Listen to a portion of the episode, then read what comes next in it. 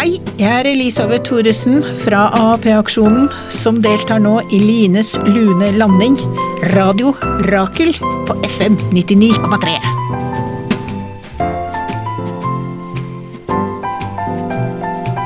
Ja, velkommen til Lines lune landing. Jeg er Line Bliksås, og du hører på Radio Rakel FM 99,3.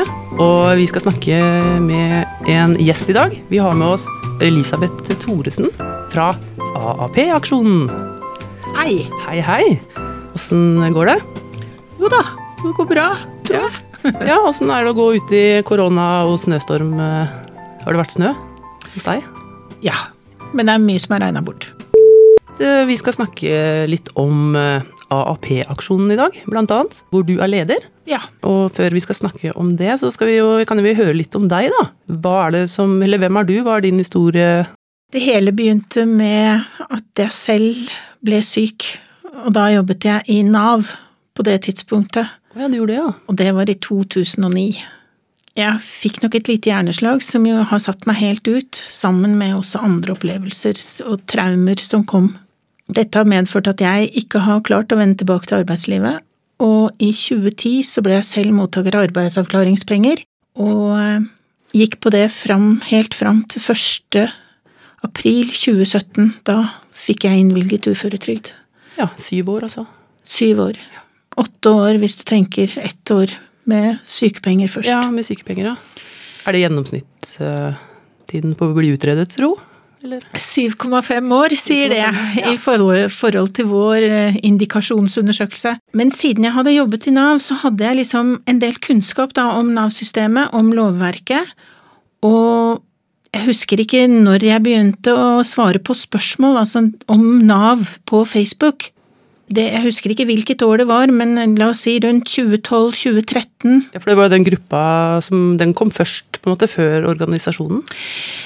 Ja, først eh, Jeg var med i andre Facebook-grupper, men i 2015, tror jeg det var, eller 2016 Det var nok i januar 2016 så opprettet eh, noen andre damer og jeg en Facebook-gruppe som heter Nav spørsmål. Ja. Um, og, og den vokste hurtig. Og det er en gruppe hvor vi bare svarer på spørsmål om Nav, og vi skal ikke synes noe, ikke mene noe om saken, bare svare på spørsmål. Ja, det er jo veldig Vi, vi, vi går ikke inn i noen diskusjon eller vurderer noe. Kun linker svar til hva som står på nav.no og lovverk. Ja. Hva Så- heter gruppa, sa du i begynnelsen? Nav spørsmål. Ja. Nav bindestrek spørsmål. Ja. Ja. Um, så kom sommeren 2016, hvor det kom ut et høringsbrev, eller et høringsnotat fra regjeringen sin side om at de ønsket å gjøre endringer i lovverket som omhandlet arbeidsavklaringspenger. ja. Var det, husker du hvorfor de ønsket det, eller var det funge- fungerte ikke bra nok, eller? Nei, det de sa, det var det at eh, folk ble gående for lenge på arbeidsavklaringspenger uten at de ble ferdig avklart. Og da skulle man altså skjerpe inn lovverket. Og eh, jeg tenkte, det var jo selv mottaker av arbeidsavklaringspenger, og jeg tenkte dette må jeg gå inn og lese og se hva de egentlig ønsker å gjøre nå. Og så begynte jeg å lese det, og så tenkte jeg mamma mia, hvis de gjør dette her, dette kommer til å ramme hardt og Ja. brutalt. Og da ble det til at jeg satte meg ned som privatperson og svarte på dette høringsnotatet og sendte inn, for det har du full anledning til og lov til. Ja. Og samtidig så opprettet vi da også en Facebook-gruppe som het noe sånn som ehm, eh, Aksjon mot AAP-endringer. Ja. Ja.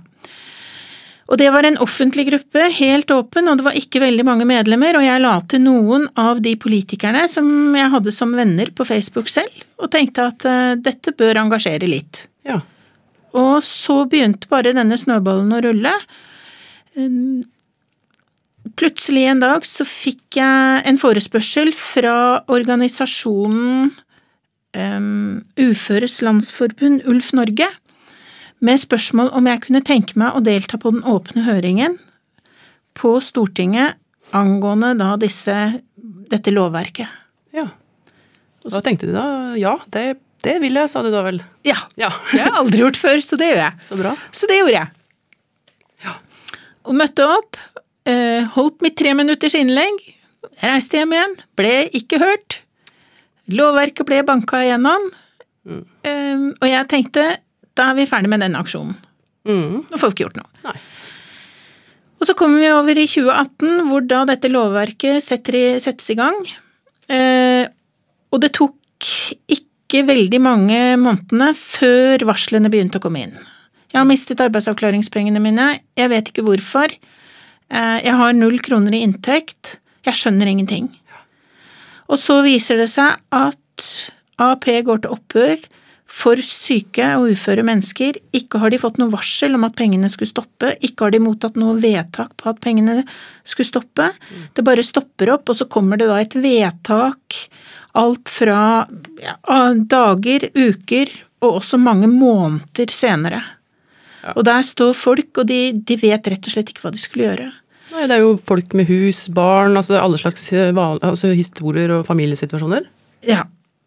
Og, og den største gruppen som mottar arbeidsavklaringspenger, det er jo rett og slett de som er fra 40 opp til 67 år. Den største gruppen er nok i 50-årene. Og i en undersøkelse vi hadde, så var det ca. halvparten som hadde barn under 18 år som mistet arbeidsavklaringspengene sine. Og det forteller mye, altså. Ja. Det er eh, Altså barn Altså barnefattigdom også øker jo i Norge, og det blir jo bare et problem når foreldrene sant, blir tatt fra inntekten fordi de er syke. så kom alle disse varslene inn, og jeg begynte å spare på sakene og fikk inn vedtak og bekreftelse på eh, Altså, jeg samlet rett og slett på bevis og satt med en sak, og så prøvde jeg å nå ut i mediene, og det var ingen som ville ta tak i dette. Em, til det en dag ringer en fra Dagsavisen Ja. her i Oslo som sier 'jeg hører at' Og han kom hjem til meg, og det var Jens Marius Sæther i Dagsavisen. Eh, Og han har fulgt veldig godt opp også senere da, med denne saken, med å dekke den. Så han, eh, han tok imot eh, og kikket på alle vedtak og lagde en god sak rundt dette, og, og det var sånn liksom vi fikk belyst saken. Um, og da er vi kommet til ganske langt ute i 2018 og er på vei inn i 2019.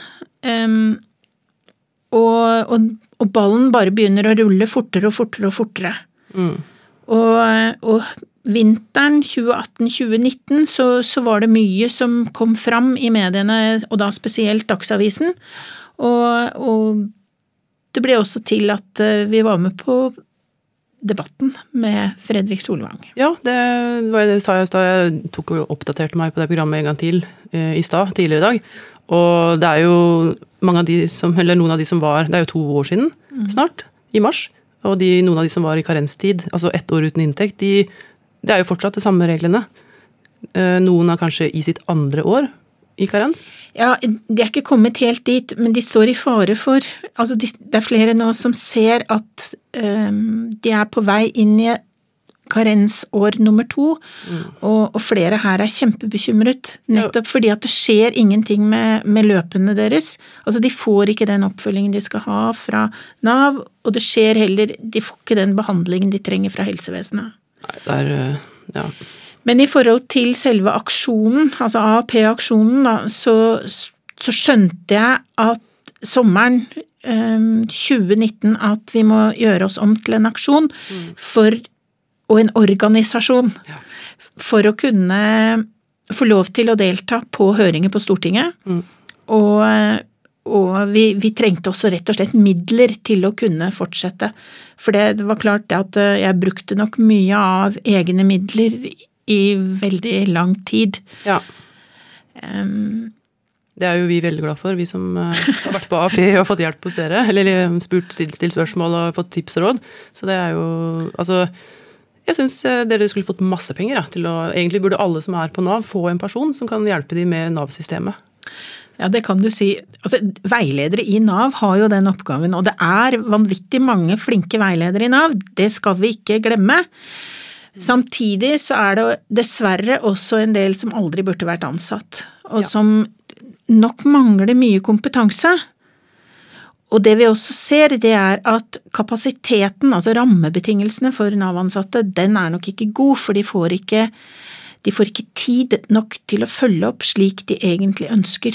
Ja, ikke sant. Og det er jo, det er jo synd at det ikke de Altså plutselig, Før så var det jo forskjellige avdelinger. Du hadde arbeidskontoret, og så hadde du trygdekontoret. Som på en måte de var spesialister på det. Men nå blir jo Nav-ansatte bare Nå skal de kunne 10 000 ting. Og det er jo vanskeligere og vanskeligere å få tak i din saksbehandler og på telefonen. Ja, altså, Nav har gjort seg veldig utilgjengelig. Det er ikke lenger åpent. Og det, det er noe jeg kjenner veldig på at er Og det var før korona også. Ja, ja. Det, det, er jo hele tiden sånn at eh, det Nav ønsker, det er jo at du skal, hele tiden skal bruke nav.no. Logge deg inn på ditt Nav, sende en melding gjennom din aktivitetsplan eh, og få et svar. Og eh, ringer du Nav, så, så skal du egentlig i løpet av to virkedager eller 48 timer bli oppringt tilbake av din veileder. Mm. Men vi ser også at dette ikke fungerer noe godt. Ja, det er jo personlig så brukte jeg en gang fem måneder på å få i gang et møte med arbeidsgiver, Nav og eh, lege. Og det var jo i 2018 eller 2019. Og det skal ikke være sånn. Det altså um, det, det er veldig synd at vi er kommet dit at den instansen som på en måte skal være der for oss når vi blir syke eller står i en sårbar situasjon, mm. ikke er mulig å nå, og at man rett og slett opplever heller en stengt dør istedenfor at den er åpen. Ja, og man får jo mindre sjanse til å Mange vil jo gjerne jobbe det de kan. Ja, og det Og det er nettopp det. Folk vil jobbe, men vi har en regjering som tror nok at de aller fleste som er tilknyttet Nav, er tilknyttet Nav fordi de er late. Man er ikke syk, man er lat. Ja, det virker nesten sånn også. Ja. Og det er klart, altså vi har jo ikke snakket noe om hva arbeidsavklaringspenger egentlig er. Nei, hva, kan ikke du fortelle litt om det? Jo. Arbeidsavklaringspenger det er noe du kan få etter ett år som sykemeldt, men det er ikke noe krav til at du skal ha vært sykemeldt. Du må, din, du må være syk for å få arbeidsavklaringspenger, og de sier det at eh, arbeidsevnen din må være nedsatt med minst 50% til ethvert yrke. Ikke bare ett yrke, men alle yrker. Ja. Og det skal være på grunn av sykdom eller skade. Så har du dette begrepet lyte, men det trenger vi ikke å gå så mye inn på. Um, kan det være medfødt f.eks. ADHD? Det kan være en lyte? Ja, det kan det. Og det kan også være Det kan bli en skade hvis den er uoppdaget. Ja, det kan det òg. Du, du, kan få tilleggsdiagnoser. Ja. Komorbide, er det ikke det det heter? Ja, Uansett, eh, AP, du fortsett. Og så skal det være nødvendig og hensiktsmessig som det står på Nav, for at du skal motta arbeidsavklaringspenger. Du skal være i behov for utredning, behandling eller avklaring. Og for å motta arbeidsavklaringspenger så følger det med plikter, men det følger også med rettigheter. Og når du mottar arbeidsavklaringspenger, så skal du ha en aktivitetsplan og Nav har en lovfestet rett på å følge deg opp, og den lovfestede retten her ser vi at Nav bryter veldig ofte. Veldig. For, ja, og det går jo på at de ikke har kapasitet, de har ikke rammebetingelsene for å klare å følge deg opp slik loven sier at de skal. Og det er synd. Ja. Og lovendringen som kom i 2018, den gikk, går i korte trekk ut på at fra at du kunne motta arbeidsavklaringspenger i fire år, og at det var en helt åpen unntaksregel som sa at du kunne fortsette å få arbeidsavklaringspenger, så ble det satt en ny makstid på arbeidsavklaringspenger på tre år. Og ved siden av det så de, sa de det at ok, vi kan ha en unntaksregel, men det betyr at du bare kan få AP i to ekstra år. Men det vi ser, det er at dette lovverket er nå gjort så stramt og skrevet på en sånn måte at det er veldig få som får arbeidsavklaringspenger utover de tre årene de i utgangspunktet kan få. Ja, og det kan jo være alt fra at de ikke har blitt ferdig utreda, eller hva er feil med deg, eller hva kan du gjøre, til at uh, kanskje uh, de har ikke fått svar på søknaden på uføretrygd? Nei, det Altså hvis du, hvis du har en uføresøknad inne, så vil du få videre AAP i åtte måneder mens din søknad blir behandlet. Og der kommer du inn under et helt annet regelverk, eller altså en annen paragraf i loven. Eh, Det vi ser er at tre år på arbeidsavklaringspenger er ikke nok til å få folk ferdig utredet. Og grunnen til denne lovendringen, det var jo det at eh, politikere mente at folk ble gående for lenge i passive AAP-løp, sa de. Um, og det er egentlig helt riktig, det. Folk ble gående i passive AAP-løp nettopp fordi at de ikke blir fulgt opp, og fordi det er helsekøer som gjør at du ikke blir ferdig utredet eller behandlet. Og du kommer på en måte ikke videre før du er nettopp ferdig behandlet. Fordi at alt skal prøves ut videre, fordi at du har et annet lovverk igjen som forteller deg hva du eh, Altså hvilke regler du skal fylle, eller Det er veldig spesielt. Og så tenkte på også det noen ganger hvis noen har en arbeidsulykke, for eksempel, da, og du må på Nav, i hvert fall for noen år siden, i kanskje 2013 eller hva det var. Da, du, blir jo, du kommer jo på et tiltak kanskje som altså, Du trenger ikke datakortet, du trenger ikke å lære hvordan du skal søke jobb. Eh, og så blir man tvunget til å gå på et tiltak som ikke gir deg egentlig noe heller. Og det er jo litt bortkasta penger og ressurser, fordi de er, det er jo mange som trenger det tiltaket, som aldri har vært i jobb. Kanskje de er, har funksjonshemninger, kanskje folk har sittet i fengsel. Alt, alt sånn her, men så blir jo, hvis du har bare Du, kanskje, du har profesjonell karriere, kanskje. Så må du, Det er ikke noe annet tilbud å ta enn at du må på datakurs eller jobbsøkerkurs. Vi må ha rollespill. Ja, men altså, dette her For en som Hvis vi skal ta en gjennomsnittlig AAP-mottaker, eller de det er flest, da, så er det veldig ofte kvinner i 50-årene. Som har vært yrkesaktiv kanskje i 20-30 år. De har betalt inn trygdeskatten sin. De kan ha hatt et tungt fysisk yrke, omsorgsyrke, og det er kroppen som sier at nå orker jeg ikke mer. Det er kroppen som er sliten. Eh, Belastning eh, Belastningsskader, ja. Det kan også selvfølgelig være andre ting. Det kan være kreft, det kan være hjerneslag, det kan være en ulykke for den saks skyld. Altså um, og Det kan være også psykiske problemer som plutselig Altså alle Det er ingen som kan forsikre seg mot at sykdom eller skade skal ramme akkurat deg. Og em, disse kvinnene, eller den, den AAP-mottakeren det er flest av, da, de trenger veldig ofte ikke et jobbsøkekurs. De trenger heller ikke arbeidspraksis. Nei. Det de trenger mer av, det er å få lov til å kanskje få et kurs som kan dreie seg om hvordan skal jeg mestre min nye hverdag. Ja. Det hadde vært mer hensiktsmessig. Og det er i Nav-systemet i dag, eller politikken som blir ført, der er det arbeidslinjen som rår. Ja. Og det er egentlig veldig skummelt, fordi at den arbeidslinjen, den er som tatt ut av 1800-tallet, sier Ebba Wergeland i dag. ja. Hvem er Ebba Wergeland eh, igjen? Hun er en um, Hun er norsk lege og forsker. Hun er spesialist i arbeidsmedisin. Ja. Og var tidligere også ansatt da i Arbeidstilsynet. Mm. Så hun, hun kan veldig mye om, eh, om arbeidslinjen og, og trygdemedisin. Altså, jeg, jeg, jeg lurer jo på hvor har egentlig trygdemedisinen i Nav blitt av?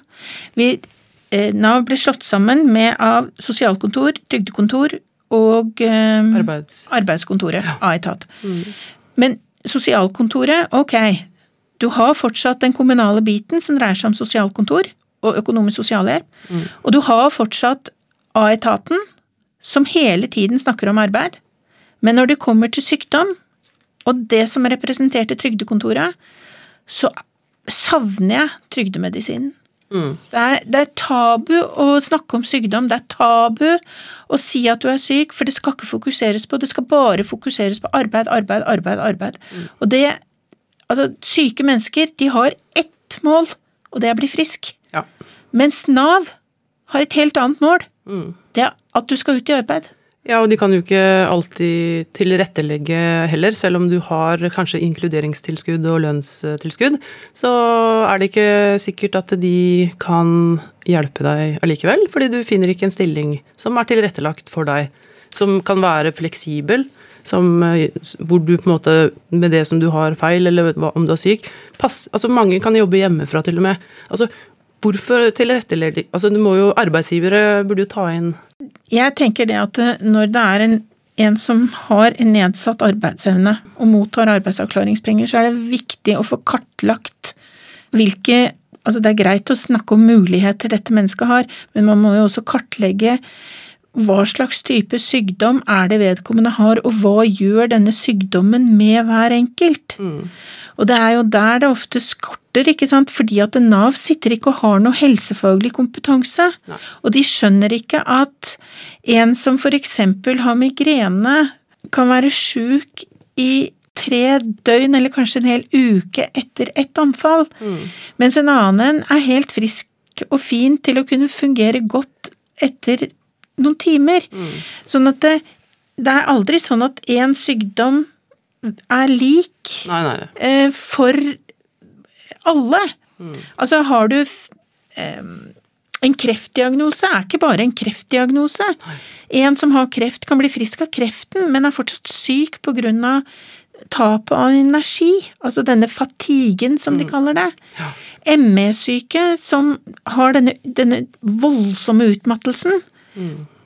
Det å forstå hva den utmattelsen gjør med deg som person, det er det ikke alltid at andre mennesker som selv ikke har opplevd det, eller har noen i sin nærhet, mm. kan forstå. Nettopp. Og det er jo nettopp dette som må kartlegges, og det er noe med ok, eh, har du ikke energi til en gang å Familie.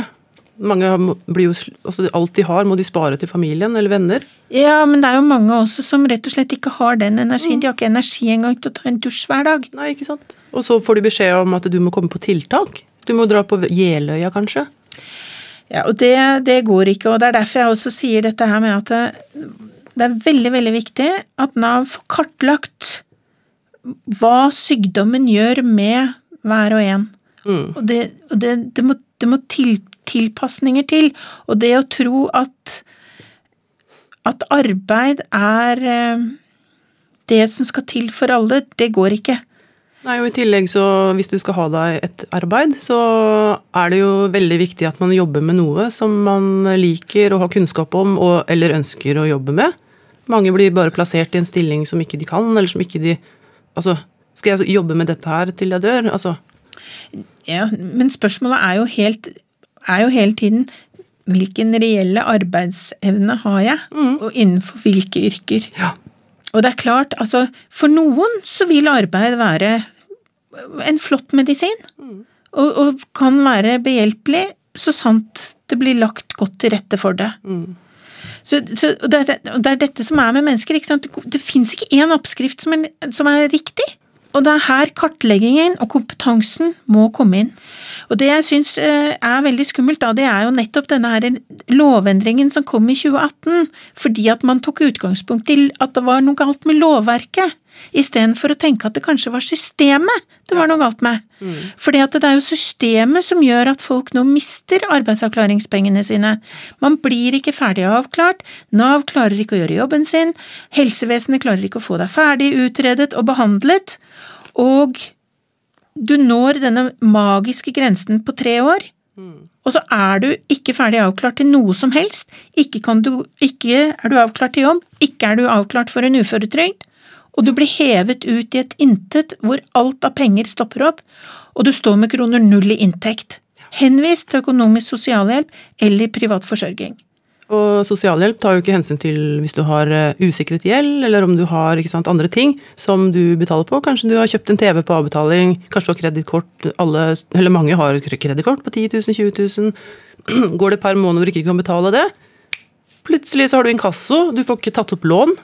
Du får ikke tatt strømabonnement eller mobilabonnement midt i du kanskje er tvinget til å flytte pga. du får ikke mer penger der du bor. Nei, det er eh, Altså Konsekvensene er vanvittig store, og, og, det er jo det som har gjort at vi har blitt en aksjon og reagerer så kraftig på det, da, fordi vi ser at folk mister inntekten sin. De må selge sine hus, de må gå fra sine hjem. Helseutgifter også blir jo da satt på pause, for det koster jo penger. Og hvert år så er det jo ny sånn egenandelskortgreier, eller frikort. Ja, og mottar du økonomisk sosialhjelp, så kan du få midler akkurat til sånne ting. Men, men, det er det at det er veldig mange som ikke får det fordi de nettopp er gift, og ekteskapsloven trer inn ja. og sier at ektefelle skal forsørge. Og det er jo helt absurd. Hva hvis ektefelle er på uføretrygd og altså tre barn? Altså, det går jo ikke. Nei, og det er jo nettopp dette vi ser. Altså, selv de som har 450 eh, 000 i, i inntekt, sliter når den andre ektefellen mister sin inntektssikring. Fordi man har egentlig utgifter som tilsier to inntekter. Ja.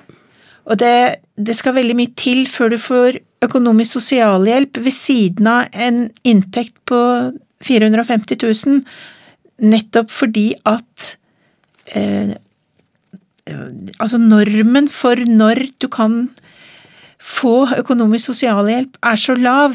Mm. Eh, veiledende sats for økonomisk sosialhjelp og og livs, nei, hva heter det, livsopphold, det er altså da eh, Er det 6250 kroner på landsbasis, jeg vet ikke I livsopphold? I livsopphold. Mm. Det er vel eh, I Oslo så tror jeg det er litt andre En litt annen sats.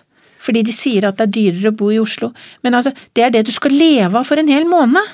Ja, og det er jo, det er jo hvis du har abonnement på Sumo, mobiltelefon, ja. kollektivtrafikk Det skal gå til mat, klær, toalettsaker, alt det du trenger, og det, det holder ikke.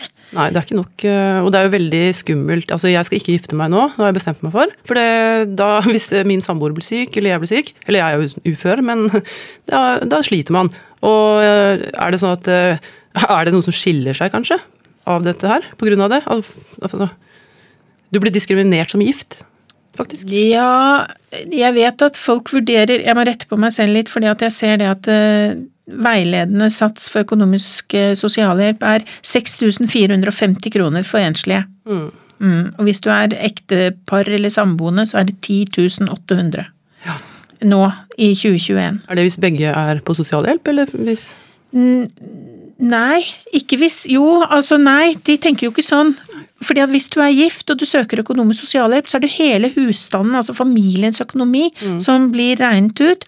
Og hvis du da sitter igjen med Altså, det er jo ikke sånn at du får lov til å At Nav går inn og dekker alt av husleie du har. Nei, jo heller ikke avdrag på lån. Bare renter kan man få Rentene kan du få mm, dekket. Og, og, sånn at Nav har jo sine eh, satser, altså på alt ja. de går ut ifra. Og det, det, jeg snakker om nå, dette, dette gjelder jo bare livsoppholdet, ikke sant. Hva du skal få å leve av ja. i måneden. Og den, hvis du har gjeld utenom eventuelt bolig og bil, så er jo Nav later som du ikke har annen gjeld. Det... Nei, gjeld dekker aldri Nav, og det må gå av livsoppholdet ditt. Ja, så det er jo ja. Men, men vi har de som eh, Altså, vi har, vi har opplevd de som har mistet arbeidsavklaringspengene sine av foreldre som har rett og slett frasagt seg den daglige omsorgen for sine barn fordi de ser at de av økonomiske grunner ikke klarer å ta seg av barna, mm. men også at det at de står uten en inntektssikring, eh, gir de en, et så psykisk stort problem at de ser de ikke har omsorgsevne igjen. Så, så de, de, Av hensyn til barna så må de altså da frasi seg omsorg. Og det er jo Og, det, og dette er, er Norge. Ja. dette er Norge. Altså, et av verdens rikeste land, ja. og vi har jo verdens beste velferdssystem omtrent, og alle skal med. Sier de, ja. Men altså, og, det er jo ikke sånn. Sosial, hva det står, eh, lov om sosiale tjenester Eh, lovens eh, hensikt. Den skal da liksom eh, Lovens hensikt er å bedre levekårene for vanskeligstilte, bidra til sosial og økonomisk trygghet, Herunder at den enkelte får muligheten til å bo selvstendig og komme over eh, i overgang til arbeid, sosial inkludering og aktiv deltakelse i samfunnet. Loven skal bidra til, å, til at utsatte barn og unge og deres familier får et helhetlig og samordnet, samordnet tjenestetilbud. Og den skal bidra til likeverd, likestilling og forebygge sosiale problemer. Ja. Den gjør jo akkurat alt det motsatte, egentlig. Og det gjør jo også folketrygdloven, som også har en hensikt. Altså, formålet med, med lov om sosiale tjenester, den er veldig god, men saken er jo den at syke mennesker, de har jo ikke noe innenfor denne loven å gjøre i det hele tatt. Nei, de skal vel egentlig under trygdeordningen? De skal inn under folketrygdloven. Ja. Og det som sier nettopp at syke og uføre, de skal være sikret en inntekt. Mm. Og den, det formålet blir i dag også brutt. Veldig så også. Ja. Og det, det, er jo, det, er jo, dette her som er hele AAP-aksjonen. Vi ønsker at alle syke og uføre skal ha en inntektssikring fram til man er ferdig avklart. Mm. Og det betyr at man da enten går tilbake til jobb, at det kan være en kombinasjon arbeid, uføretrygd eller en full uføretrygd. Det er ingen syke som skal stå uten inntekt. Nei. Og i dag så er det jo sånn at hvis du ikke er syk, kanskje du har mista jobben bare, du får deg ikke ny jobb, eh, du får dagpenger i hvor lenge er det nå? To år? Ett år? Det kommer an på inntekten din. Ja, Men hva skjer da etter det, og du ikke har fått ta jobb? Da må du på sosial... Da må du også over på sosialhjelp, ja. Ja, så det, det er jo da en riktig del av ikke sant, lov, eller hva heter det? sosial eh, Ja, du skjønner. Sosialtjenesteloven, ja. Yes, takk. Vær så selv om den Jeg syns ikke den er så veldig Altså, det er lite penger. Eh, men det er i hvert fall på riktig del, da. Men og det, når du er syk Altså, du har jo betalt skatteavgift, du er medlem av trygdeordningen. Du, altså, du kvalifiserer for, for, det som står på internett det, i loven, at den skal gi, gi eller provide. Men den gjør jo ikke det. Ja, altså, Folketrygden vår, den, det er jo eh, Det er jo et fantastisk eh, Hva ment som et fantastisk forsikringsselskap som skulle ta vare på oss. Mm. Folketrygden, det er på en måte landets grunnmur. Ja. Som vi alle er pliktige medlemmer av så lenge vi bor i landet. Vi kan ikke melde oss ut. Og vi betaler hele tiden 8,2 av lønnen vår direkte inn til folketrygden. Mm. Og det er jo som da et forsikringsselskap som du også da skal kunne få penger av når du kommer i en sårbar situasjon. Sykdom, skade, det er ikke noe man velger. Det er noe som plutselig skjer. Det kan komme som lyn fra klar himmel, mm. men, eller det kan komme snikende. Det vet man aldri. Men det er ingen som kan forsikre seg mot at sykdom og skade ikke kan ramme akkurat deg. Mm. Eller noen du er veldig glad i. Ja. Og det, altså, Lovendringen som kom i arbeidsavklaringspenger i 2018, den sa og formålet med den var rett og slett at vi skulle få flere i arbeid, færre på uføretrygd og flere fortere avklart. Mm. Det vi ser har skjedd til nå, er at det er færre i arbeid, flere på uføretrygd, og vanvittig mange tusen som er kastet ut i denne karenstiden hvor de står helt uten inntekt, uten å være ferdig avklart. Det er jo ganske drøyt å tenke på. Da sitter du Du, kanskje, du har kanskje sorg fordi du ikke kan jobbe lenger. Og du kanskje sant, har, du har lån, du har familie.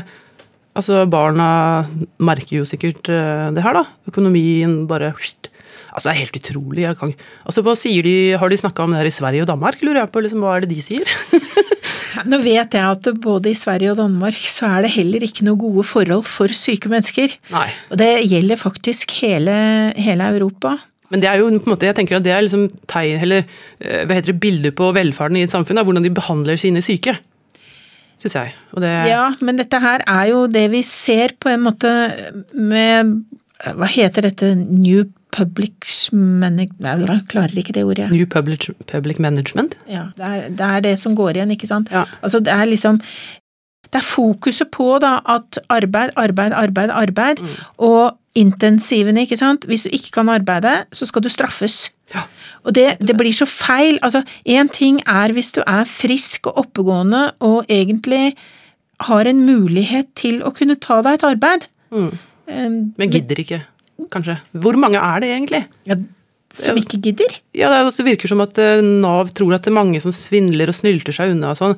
Altså, Jeg kjenner ingen som, som er i trygdesystemet som, som gjør, bare sitter der og tar imot og sitter og later seg. Altså, De, de, de syns ikke det er noe hyggelig å være ufør. Nei, altså syke, de ønsker seg de aller fleste syke de ønsker seg tilbake til arbeid. Og det er veldig mange som går rundt og tror det at å, får du en uføretrygd, da er du heldig, for da har du penger resten av livet. Og så er det ingen som tenker på det at altså man, får ikke, man får ikke så mye penger som, Hvor mye får man eh, egentlig? Ja, i- Ja, hvor mye er det man egentlig får? Vet du hva, nå skal jeg finne Og hvor mye er egentlig 1G? Var det sånn, var det, har det gått ned tidligere at du kan 1,5 G til 1G, holdt jeg på å si, eller hva man kunne tjene? og Ja, her ligger det jo masse rare regler. Da. Nå skal jeg finne et bilde over dette her, sånn at jeg Og hvis man har gradert ufør, så må man jo passe på at ikke man kanskje kan jobbe hele året. For da kan det hende du får et krav. Ja, altså Men da er det over på de som eh, mottar uføretrygd. Mm, ja. Og det, det er en liksom Altså, har du en uføretrygd, 100% uføretrygd, så kan du tjene 0,4 G. Men saken er at altså det som heter 1 G, det betyr grunnbeløpet. Ja. Ja. Grunnbeløpet i dag, det er på 101 351 kroner. Når du, altså for de som er under 25 år, de får mindre enn de som er over 25 år. Der kom det et kutt som gjør at de får 135 135 kroner per år. Ja. De skal leve, og så, og så skal det trekke skatt av dette. Hva er det som er minstelønna i Norge? Ja, det vet Eller fattigdomsgrensa? Ja, fattigdomsgrensa går vel på rundt 300 000 eller noe sånt, tror jeg, i årsinntekt, men jeg er litt usikker her òg. Men, men altså, en, en AAP-mottaker over 25 år, de skal ha 2G. Ja. Og det tilsvarer da 202 702 kroner, for å være helt nøyaktig. Ja. Ikke sant? Og så skal det trekke skatt av dette. Og skatt er individuelt, så spørsmålet er hva du, hva du har av gjeld osv. som kan kanskje gi et litt mindre skattetrykk enn ellers. Men det folk egentlig ikke går rundt og tenker på, det er det at det, det er ikke sånn at du får 66% Altså AAP, det er 66% av den lønnen du hadde før. Så hvis man hadde 300 000, så får du nå da 66% av det. Ja. Men hvis du har tjent 1,5 million, så får du ikke 66% av 1,5 million. Nei. For da er det et maksbeløp som slår inn, og du kan aldri få mer enn 66% av seks ganger grunnbeløpet. Ja, og det er da 1G ganger 6? Minus altså 66% av. Ja, 6, ja 66 ja. Og det betyr at det maks ufør og maksbeløpet du kan få på arbeidsavklaringspenger, det er 401 350 kroner i året. Ja, selv om du har tjent 700 000 tidligere. Ja, eller tre millioner for den saks skyld. Du får ikke mer fra folketrygden. Nei. På, hos folketrygden så har du et minimumsbeløp, og så har du et maksimumsbeløp. Ja. Og hvis du skal ha noe mer utover det du kan få fra folketrygden, så må det være eventuelt fra private eller offentlige pensjonsordninger som kan komme i tillegg. Men det er ikke alle som har det. Nei, og det syns jeg egentlig man burde fokusere på litt mer hos de unge. Når de går på skolen og sånn. at det, altså Hvis du har penger eller mulighet, kjøp deg forsikring. For det, plutselig så er du syk, og da er det for seint. Eh, Men dette her, det er ikke jeg helt enig i. Er det ikke? Nei, fordi at det skal, skal i prinsippet være unødvendig. Fordi Ja, vi skal det- ha en folketrygd som nettopp så skal være så sterk Ja, at den er skal fange oss opp. Ja, og det er jeg helt enig i. Og, og det er der jeg mener vi skal sette inn Altså, det er dette vi må jobbe for. Vi må få styrket folketrygden vår, sånn at den igjen tar vare på oss, og vi får tettet alle de hull som vi nå ser. Ja, og jeg synes altså, bare sånn, Vi skal ikke snakke om det, men sånn også i forhold til helsevesenet. Det, spesialister og utredninger der. Altså, det er ikke Det er ikke alle som er spesialister på det du kommer til de for. På DPS, eksempel. Det er meget mulig. Jeg skal ikke gå så dypt inn i, inn i helsevesenet, fordi at de jobber Altså, det Min egen erfaring med helsevesenet, da, det er at vi har en helt fantastisk Et helt fantastisk helsevesen eh, som fanger deg opp når det skjer akutte ting. Ja, Akutte, ja. akutthelsevesenet, det er helt fantastisk. Men når det kommer til dette som dreier seg om mer sånne eh, diffuse jeg, jeg vil kalle det diffuse sykdomsforløp. Altså du har, du har smerter eh, som hindrer deg eh, Som gjør at du sover dårlig, som tar fra deg energien. Det er veldig mange med fibromyalgi, ME, flåttbårne sykdommer MS. Ja, men MS, der, det er jo en mer sånn eh, Det er jo en nevrologisk sykdom som du helt klart kan få en diagnose. Ja, immun... eh, Ja. Så, men, men altså, det er alle disse, disse litt vanskelige diagnosene som på en måte ikke gir Ikke kommer fram på et bilde, nesten, rett og slett. Ja, altså det er Kan ikke noe ikke sånn på det. Nei. Sånn at det er utelukkende diagnoser, ikke sant. Ok, du feiler ikke det, du feiler ikke det, du feiler ikke det, men da kan vi si at du fyller kriteriene nå for den sykdommen der. Mm. Vi har ikke noe behandling til det, og dette kan ta år, ikke sant. Mm. Det kan ta vanvittig mange år, sånn som det å få en revmatisk diagnose kan jo ta over seks år. Ja, det Og, og for ME-syke, det kan jo ta opp mot sju år. mm. Og det er liksom noe med at da hjelper det ikke at du bare får penger i tre. Nei, det, det hjelper ikke. Hva, hva da, liksom, med de resterende årene? Altså, du er jo eh, jeg, Du mister i hvert fall det lille du har igjen av arbeidsevne. Ja, Muligens. og jeg har jo ofte tenkt på meg selv Jeg var jo heldig som kom meg unna dette nye lovverket, og selv ikke ble rammet av nettopp det nye lovverket med sin karenstid. Mm. Og det er jo bare en tilfeldighet. Ja, det Og jeg kjente jo lovverket, jeg kjente Nav-systemet, og jeg, jo, jeg klarte jo ikke å bli fortere ferdig, eh, fortere avklart. Jeg ønsket jo bare å få en avslutning. Jeg kjente selv på kroppen hva det gjorde med meg å vite at det, nå går arb vedtaket mitt om penger ut i løpet av neste måned, og jeg har ikke hørt noe fra Nav. Får ikke tak i de, kanskje. Får ikke tak i dem, ingenting skjer, og her står jeg, og jeg har barn, jeg har husleie, jeg har utgifter, og jeg vet ikke hva som skjer. Studielån, strømregning, alt. Ja. Det er helt eh, Ja. Og, det, er, eh, og det, kan, altså, det kan skje hvem som helst. Det kan skje hvem som helst. Ja, det kan skje hvem som helst. Du kan ikke forsikre deg mot at ikke sykdom eller skade skal ramme nettopp deg. Det er eh, ja, og det er jo vanskelig for de som ikke har sykdom sjøl, eller i familien, da, å liksom se hvor faktisk eh, eh, skoen klemmer, holdt jeg på å si. Hvor beinet blir kappa av, kan man si, rett og slett. Kverna i kjøttkverna der. Men eh, det er rett og slett pengene blir tatt bort. Pengene blir tatt bort. Da må du på sosialen hver eneste måned, stort sett. Kanskje de kan innvilge tre måneder om gangen, men det er veldig slitsomt der også. Jeg har faktisk sett et vedtak på økonomisk sosialhjelp som varte i nesten et år. Oi, altså det er muligheten til å gjøre det. Ja, dette var for en syk en. Og jeg syns det var helt rått å lese. Mm. Et vedtak på økonomisk sosialhjelp som virkelig skal være en tidsbegrenset Ja, det, det er jo det. Altså, eh, de har sosialhjelp som fast inntekt, som de har hatt i mange herrens år, og de er ikke utredet. Altså, de får dekt husleie og, og livsopphold og strøm og sånn. Og det er jo eh, et slags varig Det er jo en varig løsning for de, da. De har vært på sosialhjelp kanskje i over ti år.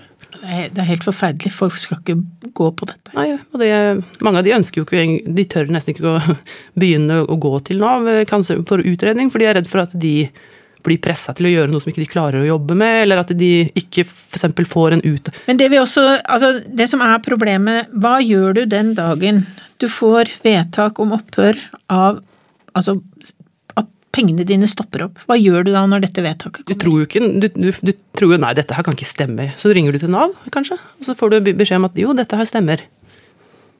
så, Ja, og da står du der, og så tenker du hva gjør jeg nå? Og det er jo akkurat de meldingene vi i AAP-aksjonen får inn. Hva skal jeg gjøre nå? Pengene mine er stoppet opp, jeg får ikke mer fra Nav, Mm. og jeg har utgifter, Og jeg er gift. og jeg er gift. Og da er det jo bare, dessverre for oss å si, du kan prøve å klage på vedtaket, det vil ikke gi deg noe penger her og nå. Nei. Um, Noen må jo også til retten eh, etter klagen blir avvist. Fylkesmannen.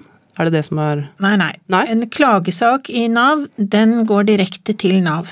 Og da går den tilbake, altså det er hele tiden Nav arbeid og ytelse som saksbehandler og sender ut vedtak.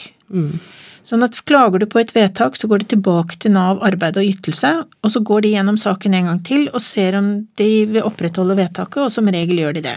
Mm. Og da blir det sendt videre over til det som heter Nav klage, som da fatter et nytt vedtak. Og veldig ofte så opprettholder de også eh, vedtaket. Og så kan du da klage videre til Trygderetten. Ja. Men før du går til Trygderetten, så skal de gjennom Nav klage en gang til. Oh ja. To ganger, altså. Ja, fordi at skal alltid tilbake til den, til den eh, avdelingen i Nav som har fattet det siste vedtaket. Men til, er det Det er veldig rart. ja, det, du kan, det kan du godt si. Skal ikke være helt nye folk som skal sitte Nei, det skal alltid tilbake til den etaten, eh, eller den De som behandlet vedtaket sist. Til en ny vurdering, før det så blir sendt over til Trygderetten. Og det er jo derfor ting tar så vanvittig lang tid, ikke sant? Sånn at eh, jeg mener at eh, en eh, klage på uføretrygd har først ti uker da i Nav arbeid og ytelse, og så er det 30 uker i Nav klage, og så er det 30 uker til i Nav klage før det blir sendt over til Trygderetten. Og så kan du plusse på seks uker mellom hver gang, fordi at du selv har seks ukers klagefrist.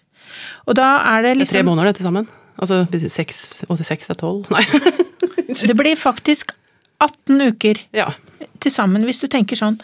Og det betyr ikke sant at det, Altså 18 uker, det er vel da fire fem Fire og en halv måned. Mm. Hvis vi tenker fire uker i en måned, så da er vi oppe i fire-fem måneder. Og Og så har du da 60, 70 uker til. Altså, vi, er, vi, vi, vi snakker fort om over to år til en klage kan være ferdigbehandlet. Og det er i Trygderetten. Og det, noe, det går ikke noe fortere, særlig fortere med en AAP-klage. Men sånn at det, velger du å klage på et vedtak du får fra Nav, så betyr ikke det at du får noe inntekt til mellomtida? Nei. Du står der helt på bar bakke, du har ingenting å leve av, og, og du lurer på hva er det egentlig som skjer nå? Altså, tenk hvis man er enslig eller bor alene. Da. Enslig høres så trist ut, men at du bor alene i en annen by, du har ikke venner eller nettverket ditt der. Og, altså, hva gjør man da? Altså, du må jo Det blir jo du, altså, I Oslo kan man jo omtrent ikke bo alene hvis ikke du er ekstremt flink til å bruke pengene dine og spare. Nei, jeg vet om en Jeg vet om en person som sitter i en liten leilighet i Oslo, Mm. som lever fra hånd til munn av økonomisk sosialhjelp, Mm. som ikke orker å ha noe med Nav å gjøre, som har mistet tillit til alt av hjelpeapparat og Nav, og som nok heller ikke vedkommende ønsker at historien skal bli kjent, men, eh, men eh, tilliten til å kunne stå fram og stole på noen er heller egentlig ikke helt til stede. Nei. Og det, sånn at det, lø, det låser seg totalt for enkelte. Ja. Um, Det er veldig, veldig synd. ja.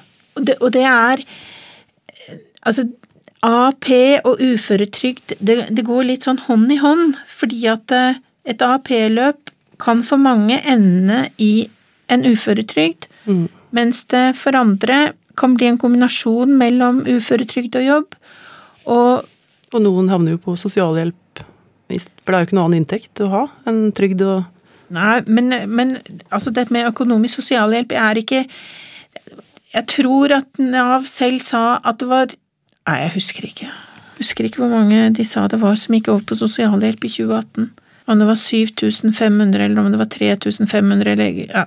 Men det, det, det spiller egentlig ingen rolle, fordi at det syke skal ikke ha økonomisk sosialhjelp. De skal ha en ytelse fra folketrygden. mm. Og de skal være sikret Altså, de som har jobbet i alt fra 10 til opp mot 40 år, de har betalt trygdeskatten sin, og de, de, de, de er medeiere i dette fondet som heter folketrygden. Og det å da bli fratatt alle rettigheter Altså, det er nesten Groteskt. ja. Det er flere som sier det at eh, dette er nesten som å bli fratatt statsborgerskapet sitt. Ja, det er det. Det er som du sitter på asylmottak, og du har ikke lov til å jobbe eller få penger eller skatte. Ja, altså, ja nei, du er, du er fratatt alle rettighetene dine, men du skal fortsatt være pliktig medlem. Altså, det er veldig Det er, det, er, det er noe som er veldig, veldig det er noe som er blitt veldig rart. Og helt feil. Og jeg tror ikke dette var meningen. Nei, det, det er jeg ganske sikker på at ikke det var, men eh, jeg syns politikerne kan være litt mer ydmyke. da, altså i hvert fall eh, Ta åpne øya og se hva som faktisk skjer. Her er en hel gjeng med folk som kunne vært ressurser, de som kan. Og nå blir det bare ikke sant, Det er mye sløsing med skattepenger, det er tiltak som ikke fungerer. Ja, det er eh, Jeg syns det, det er sånn økonomisk og eh, manpower, holdt jeg på å si, waste. Ja, det kan du godt si. Men det, det jeg ser også, da, siden jeg har både litt Ikke litt, men jeg har god innsikt både i hvordan Nav fungerer, hva syke, uføre mennesker opplever. Jeg har selv min historie fra et Nav-system som jeg opplevde at ikke klarte å følge meg opp. Og så har du lovverket og rundskrivene, og når du ser liksom alt sammen i en helhet, så skjønner jeg også at politikere, de har ikke nok kunnskap til egentlig å forstå helt hva som skjer. Nei, og det er veldig skummelt. Ja. Og det jeg også opplever, det er at når en journalist går inn og spør Nav om noe, så svarer Nav ut ifra hvordan arbeidsrutinene og lovverket skal følges, men ikke hva som virkelig skjer. Og det skremmer meg også. Og når Nav hardnakket påstår at nå er det mye Altså at AAP-mottakere blir mye bedre fulgt opp i dag enn det de ble før, så er det bare tull. For det sier både de som mottar arbeidsavklaringspenger, men også de Nav-ansatte selv. Så det er veldig forskjell i virkelighetsoppfattelsen av hva som skjer. Og et omkved fra politikere, det er jo det at de som ikke kan jobbe, de skal få uføretrygd. Men det skjer ikke. Nei. Fordi at alt av nødvendig og hensiktsmessig utredning og behandling må være prøvd ut først. Ja. Og det rekker man ikke innenfor den tiden som er satt i dag. Nei, og det er jo jeg, jeg blir litt sånn der eh, sinn eller irritert inni meg, eller litt, veldig mye. At det, det systemet som er der, det er Altså, det kunne vært så mye bedre!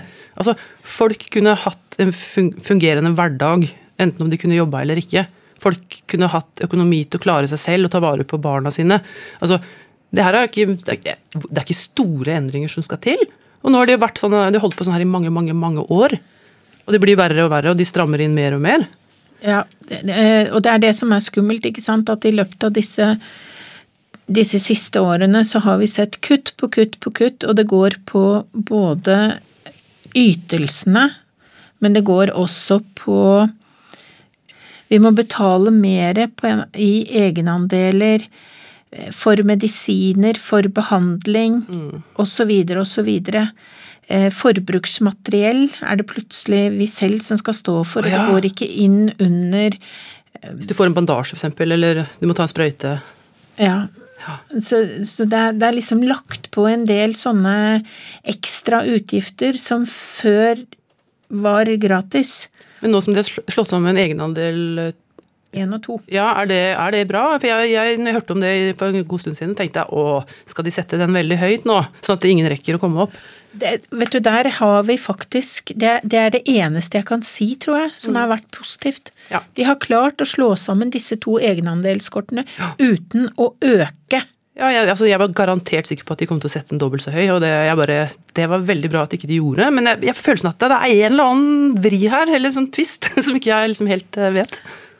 Akkurat i år, ja, vi, vi får bare følge med. Har de tatt bort eh, noen av tilstandene som kan gi deg rett på egenandel kort 2 hvis du har tannplager og sånn, kanskje? Nei, de kan ikke ha gjort det. Nei, jeg tror det er Når, de, når det gjelder akkurat tannpleie, så er det veldig egne regler. Og det, vi, vi skal ikke gå inn i det, for det kan jeg ikke nok om. Nei, men det er, jo, det er jo litt synd, da, at jeg føler kjenner i meg selv at hver gang det kommer noen nye regler, enten det er gode eller dårlige i forhold til eh, de som er syke eller friske, jeg føler at det, akkurat det er som bakplan bak det hele. Akkurat som hvor skal vi ta penger fra, hvor skal vi plassere det hen? Og så, eh, så ser de ikke at på sikt så blir jo dette her mye, mye dyrere. Og det er de som sitter hjemme og jobber som og hva det måtte være advokat, sykepleier, lege, taxisjåfør som er 100% friske, det er de som betaler for dette her. Og oss som har blitt syke. Jeg hører du er veldig mistenksom. Veldig. Så eh, Nav, fess opp, eller myndighetene, kanskje som jeg pleier å si. Altså, det er veldig viktig å, på en måte skille her, da. Mm. på, på hva som tilhører hvor. Fordi at eh, når det gjelder lovverket, så er det Stortinget vårt. Det er de som vedtar lovverket. Og skal vi få endringer i arbeidsavklaringspengene, så må vi ha endringer i lovverket, og det er våre politikere vi da må gå på. Ja, de som sitter på Stortinget, Ja. blant annet. Ja, og vi må få et flertall, ikke sant. Altså, AAP-lovverket har vært oppe til, til ny vurdering mange ganger, men det er ikke flertall for å endre det. Jeg skjønner ikke hvorfor. Nei, det, Det er dårlig økonomi. Nei, ja, altså det, Folkehelsa også. ja, det man på en måte sier nå, da, det er altså her og nå så tjener man penger på det, eller man tjener ikke, men man kan spare penger. Men på sikt så vil dette bli en stor utgiftspost, fordi at eh, barn som opplever å, å vokse opp i en familie med dårlig økonomi, vil ta med seg noe av den misnøyen som foreldrene da opplever ved at de ikke har nok å leve av. Mm. økon altså Dårlig økonomi gir så mange negative konsekvenser for, ja, for årene som kommer, at, eh, at dette kan ikke være smart politikk på sikt. Og sånn som det vi Altså, det som også provoserer meg veldig, det var sånn som nå til jul, før jul, så kunne vi se både på TV 2 og på NRK, så var det reportasjer om eh, fattige familier og hvordan de måtte gå til Frelsesarmeen eller andre hjelpeorganisasjoner og få eh, gaver og mat til jul for at de skulle få en verdig jul. Og så tenker jeg de lager, altså disse, disse journalistene, de lager da disse reportasjene. Hvor da forskjellene og fattigdommen får et ansikt, Ja. og så er det ikke en av dem som spør hvorfor har vi kommet hit? Nei, hvorfor gjør de ikke det? Ja, hvorfor gjør de ikke det? De bare skal dokumentere det uten å spørre hvorfor. Ja, men jeg, jeg, det, er, det er den derre kritiske journalistikken jeg på en måte savner. Ved at man begynner å spørre Det var akkurat det samme som skjedde i fjor. Aldri før hadde Frelsesarmeen hatt flere som trengte hjelp til jul. Og så er det Nesten samme tabloid, nesten. En Ja. stil. Og så er det det samme i år. Aldri før har vi hatt så mange som trenger hjelp til jul. Og så er det ingen journalist som spør hvorfor. Hvorfor er vi kommet hit? Hvorfor har ikke folk penger selv til å kunne klare å kjøpe gaver til barna sine, og kjøpe den maten de vil selv ha på julaften? Nei, det er øh, Hvor, hvorfor skal det private eh, Altså, den private givergleden Ja, det blir jo nesten sånn derre Altså, øh, hva heter det øh, En organisasjon Astma- og Allergiforbundet, da. Når jeg var yngre, så solgte jeg lodd for sånne humanitære organisasjoner. Min første jobb. Da jeg var 16-17. Men da, øh, da stilte jo folk seg spørsmål som jeg snakka med f.eks. i vennegjengene, da, eller andre folk jeg kjente. Men jeg kjøper ikke lodd, for det her skal egentlig staten betale. Staten skulle betalt det her. Men det er jo staten altså, altså jeg har måttet gått privat til spesialister, fordi jeg må til noen som har peiling. Eh, er, jeg syns det har blitt litt sånn skille mellom eh, fattig og rik der også. Ja, nå hoppa jeg veldig rundt her, kjenner jeg. Men eh, altså de, de sier de skal ikke være sånn at du må gå privat, ikke sant? Men du må jo det, nesten. Ja, det, det som er skummelt akkurat når det gjelder private, da, så sier veldig ofte Nav det at vi godtar ikke den private legeerklæringen, du må gå til en offentlig. Det er, det er ikke lov, for det er fritt behandlingsvalg eh, eh, i Norge. Ja, men eh, Legen min sa det, skjønner du. Jeg bare, hvorfor, hvorfor går du ikke til offentlig? Jeg bare Altså, jeg hadde vært der en gang før. De satt bare og kikka på meg uten kunnskap om det jeg kom der for. Og jeg bare Dette her kan ødelegge for meg framover i tid. Så det er jo Ja. Det er, hvis man har råd, så kan man jo vurdere det, men jeg vil anbefale alle uansett å google spesialister. Saken er den at vi har fått et klasseskille. Vi Mm, har de som kan betale for å få utredning og behandling raskt. Mm. Og så har vi de som må gå til det offentlige fordi man ikke har penger til selv å betale for den utredningen og behandlingen man trenger, og som bruker veldig lang tid. Mm. Det, skal heller ikke være sånn. Ja, hvis man, skal, hvis man har f.eks. bekktreps, da, eller skal undersøkes for det, da skal man helst ikke ligge inne i en MR-trommel, f.eks. Kan man kjøpe private tjenester og få tilgang til en sittende MR? Ja, jeg vet eh, at akkurat når det gjelder eh, sittende og stående bilder her i dette landet, så er det skrekkelig dårlig stelt. Ja. Ja. Og også det med når noen har f.eks. sjeldne sykdommer, da, eller syndromer, eller hva det heter. Kanskje fins en veldig dyr behandling i utlandet som de kan få. Kanskje det er bare fem stykker i Norge, eller ti, som har den diagnosen. Og så får de nei, du kan ikke få det. Og det kan kanskje redde liv. Fordi det er for dyrt, liksom. Ja, ja, det er, det er veldig mye rart som vi gjerne skulle ha gjort noe med. Dere hadde kortsiktige og langsiktige mål på siden deres. Det er, altså egentlig, vet du, så har vi i AAP-aksjonen vi har jo det målet at vi ønsker å få endret lovverket sånn at alle syke og uføre får en inntektssikring fra de blir syke og fram til de er ferdig avklart. Og det er jo hvis du må klage også. Ja. Men altså, det er liksom hovedmålet vårt, og det, eh, og det og det er todelt, fordi at det, på den ene siden så har vi lovverket, og på den andre siden så har vi Nav-systemet. Ja. Ja, og det er jo Og vi trenger endringer på begge Altså i begge leirene, da. Ja. Eh, Nav-systemet, det må faktisk eh, vi, vi trenger en felles faglig plattform i Nav hvor man får det loven på en måte sier at man skal ha, med ordentlig veiledning, hvor kunnskapen og kompetansen er på plass i mye større grad enn det det er i dag. Altså Det er ikke sånn at jeg sier det at det ikke finnes kompetanse i Nav, for det gjør det. Det er mange som kan veldig mye. Men vi opplever at den felles kompetansen, den er ikke der. Den felles faglige plattformen mangler. Og det ser vi sånn som, bare for å ta ett eksempel, når det gjelder da den midlertidige forskriften som kom i forhold til koronapandemien. Ja. Med at alle som mottok arbeidsavklaringspenger da i mars måned, eh, skulle få seks måneder forlengelse av sin AP-tid. Uansett tidsbegrensning på det som vedtaket de hadde fra før. Ja, ja. Seks måneder ekstra.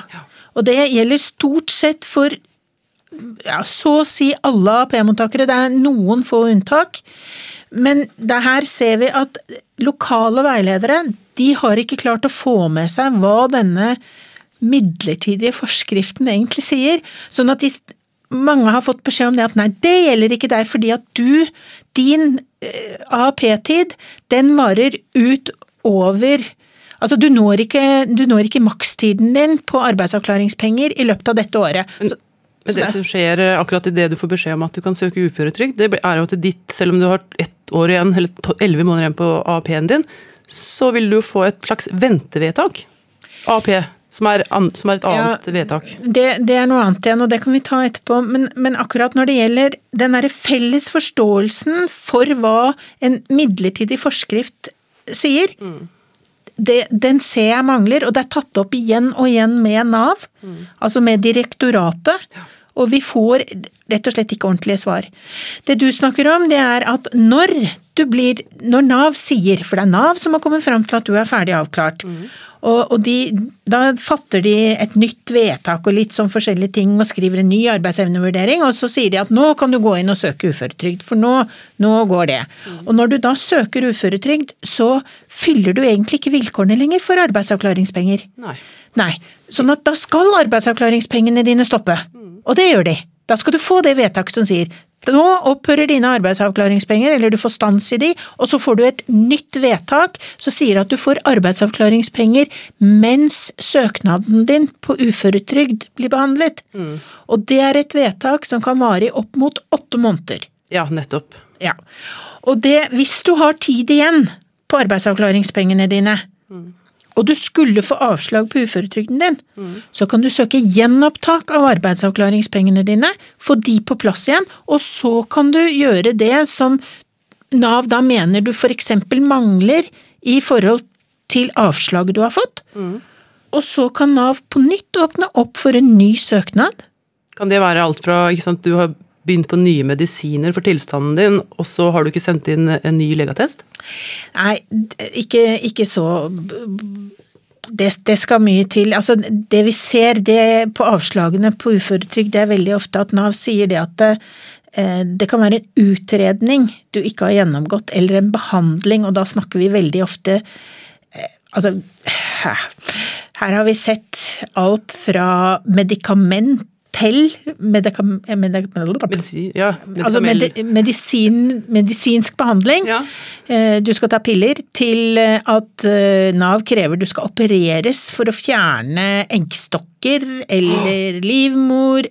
Ja, altså Pasienter med endometriose opplever det. Ja. De får beskjed om at de må fjerne livmoren, fordi at den behandlingen da ikke er prøvd. Og det kan være unge kvinner som har planlagt å få barn? Ja. Eller også et annet vedtak jeg så, var at vedkommende fikk avslag på uføretrygd fordi at eh, nyre, nyretransplantasjon ikke var gjennomført. Altså dette her er helt hårreisende. Ja. Men det, det er vedtak som jeg har sett, og som jeg tenker at det er ikke mulig. Og heldigvis, denne alvorlig nyresyke klagde på vedtaket og fikk medhold, og det var jammen godt, men det er liksom så unødvendig fordi at det, og, det, og det, her ligger lovverket igjen, da, ikke sant. Alt av medisinsk utredning og behandling skal være prøvd ut. Og det betyr også at for noen så vil eh, Så vil det være sånn at det, behandlingen er livslang. Mm. Ja. Og det vil altså da si at uh, den behandlingen du går i, den vil ikke gi deg noe bedring, men den kan forhindre at sykdommen din uh, utvikler seg fortere. Mm.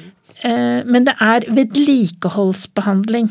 Og det her må vi også skille ikke sant, på behandling som kan gi en bedring i arbeidsevnen, Mm. og behandling som bare er vedlikehold. Ja.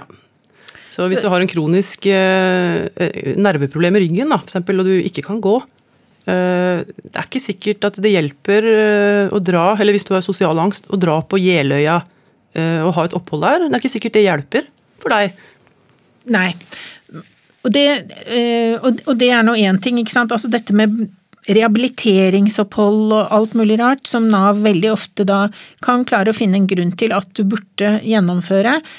Eller at de sier du er ikke du er ikke prøvd ut nok i forhold til din arbeidsevne, selv om du kan ha vært igjennom tre eller fire arbeidsrettede tiltak, og alle tiltakene har kommet til at nei, her er det ingen arbeidsevne, så kan Nav fortsatt si du trenger mer. Altså dette her er jo hva, hva, gjør man da? Man, man, man, altså, det er jo veldig viktig at legen skriver en god legeerklæring. At det er, måtte denne personen er prøvd ut i alle yrker, medisinen fungerer, men det vil ikke bedre arbeidsevnen.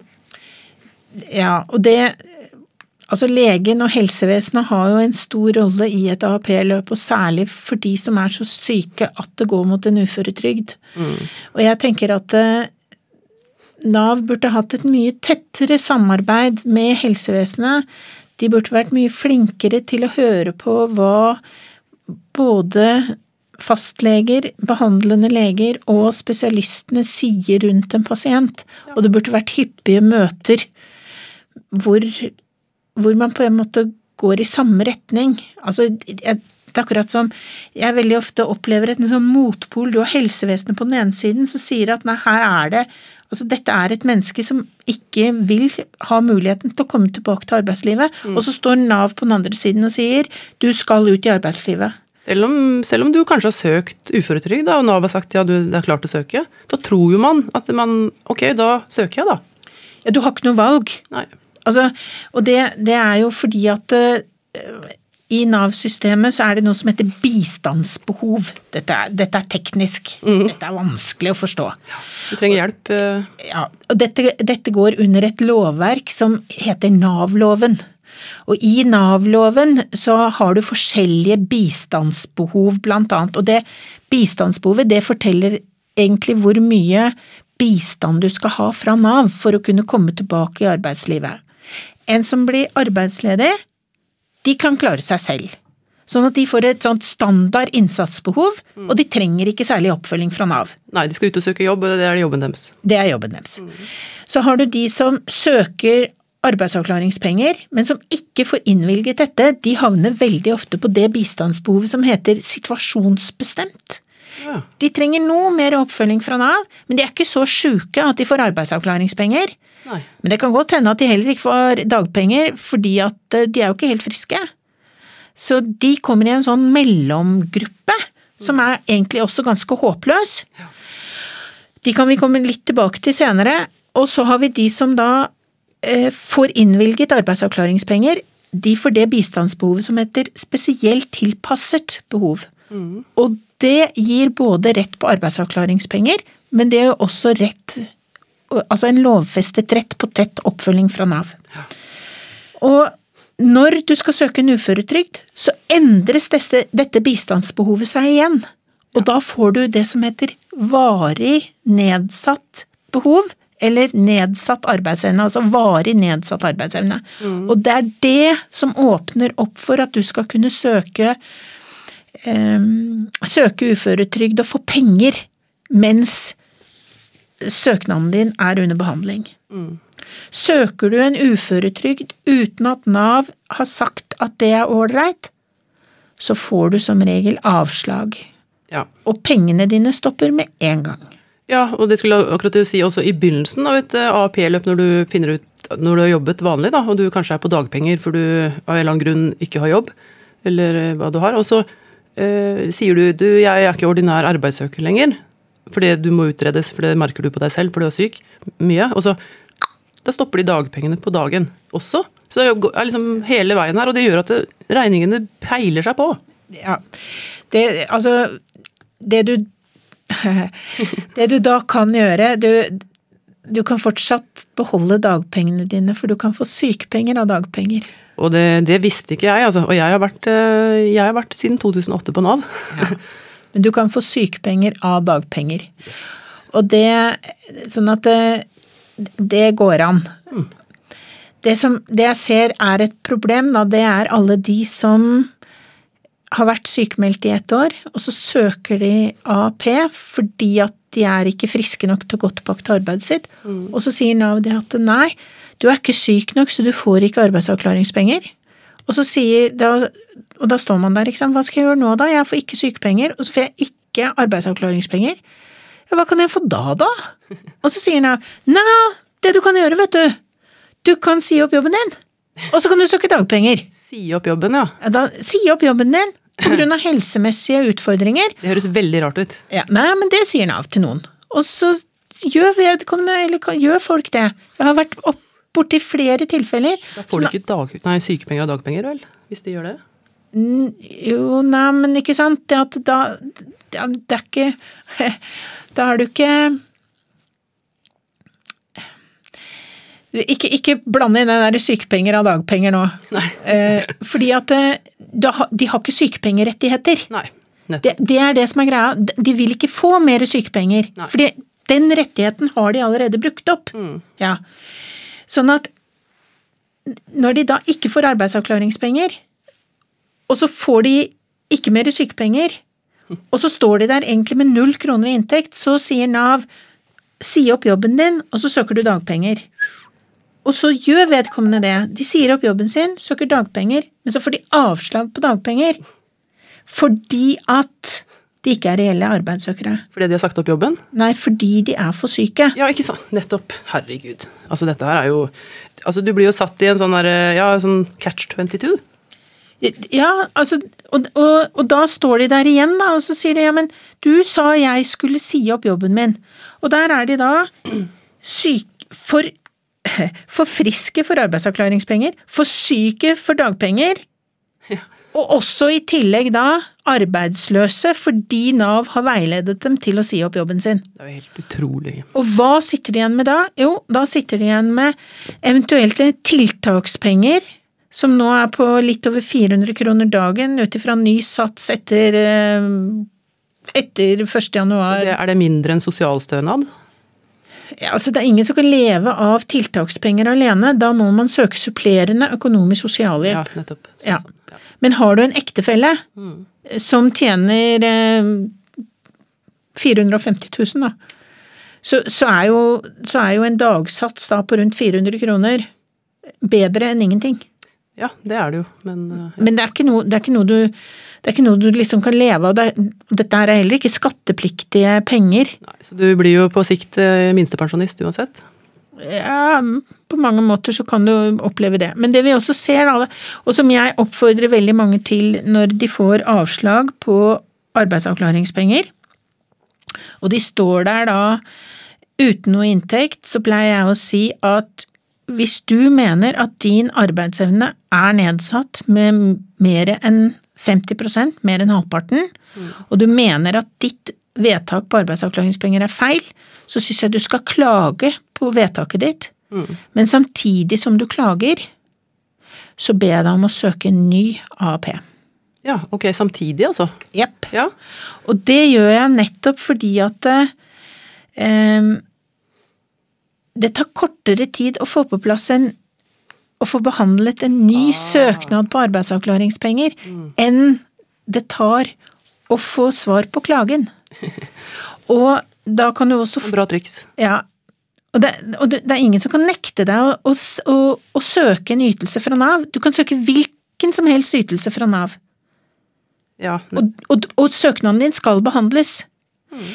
Og det som er viktig, da, det er å se hva er begrunnelsen Nav bruker for at jeg ikke skal kunne få arbeidsavklaringspenger. Og veldig ofte så er det fordi at Nav sier det at nei, din arbeidsevne den er ikke nok nedsatt, du er altså ikke syk nok, ut ifra hva Nav da mener. Sånn at hvis du for eksempel har hatt en tung fysisk eh, jobb, og du har vondt i ryggen, så er det klart det at det, det kan godt hende at du kunne ha tatt en lettere jobb, for eksempel ved å sitte og være eh, Jobbe med å ta imot telefoner, eller på et kontor, med å gjøre andre ting som er fysisk lettere. Men spørsmålet mitt blir alltid til disse menneskene er hva gjør dine smerter med deg? Altså, I har du, hverdagen, på en Ja. måte. I Altså, gjør disse smertene Hvordan påvirker de hverdagen din? Én ting er at du ikke kan utføre det tunge arbeidet du har hatt tidligere, men klarer du å utføre et lettere type arbeid? Eller er det noe med din helsesituasjon nå som gjør at det også er umulig, nettopp på grunn av smertene du helt tydelig går med? Mm. For det er klart at eh, smerter gjør noe med deg. Ja, det, det er jo utmattende hvis man har veldig kronisk Eller Hvis man går med kroniske smerter over tid, så er det ikke sånn at eh, smertestillende medisiner bare tar vekk disse smertene dine, og så er du, kan du gjøre hva du vil. Nei, nei. Sånn at det,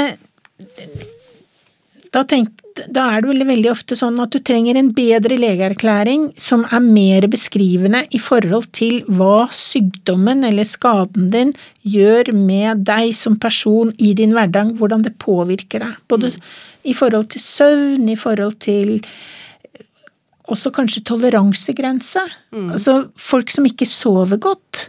Ja. Hva gjør du med din hukommelse over tid hvis ikke du kan sove? Ja. Nei, det er jo Altså, ingenting fungerer eh, uten søvn, og det forsterker jo mange problemer. Ja. Sånn at det er noe med å se helheten her. Du kan ikke bare liksom ta eh, hva eh, den sykdommen eller skaden eller de skavankene du har, og, og se på det isolert sett. Du må se på helheten. Hva gjør dette med dette mennesket? Og det er nettopp her, altså påvirkningen eh, er så forskjellig også, fra et menneske og til en annen. Ja, og noen har jo flere diagnoser samtidig, som sant, gjør det ekstra komplisert. Ja da. Og det er klart at i Nav-systemet så er det veldig Altså de sykdommene som på en måte folk sliter mest med, det er psykiske problemer. Psykisk sykdom. Og så er det muskel- og skjelettplager. Det er de to største sykdomsgruppene. Ja. Det, er jo, de går jo veldig utover hverdagen når man sliter med de to tinga. Ja, ja, altså som ofte så trenger man jo ikke å ha begge delene, da. Men altså sykt, psykisk sykdom det er på en måte veldig lett å, å, gå ut og bagatellisere og si kan du ikke bare skjerpe deg? Ja, det, ja, det er jo Ta deg sammen. Mm. Prøv litt hardere. Ja, prøv litt hardere. Prøv, da, prøv å begynne å trene, kan du jo si til folk ikke sant, som kanskje har ja. ikke mulighet til å trene. Altså kanskje ikke må gå en tur hver dag. Kan ikke begynne å trene noe mer. Men, men, altså, jeg skal ikke legge meg opp i behandlingsløp eller noen ting. Jeg vet bare at psykisk sykdom, det er, det er et vanvittig stort spekter. Og det er eh, Man opplever psykisk sykdom på forskjellige måter. Mm. Og jeg vet også at det er veldig vanskelig å få den behandlingen man trenger i det offentlige helsevesenet, eller helsevesenet generelt sett, fordi at du får tildelt x antall timer, og er du ikke ferdig eller frisk i løpet av de timene du får, så avsluttes behandlingen, fordi da har du brukt opp din tid.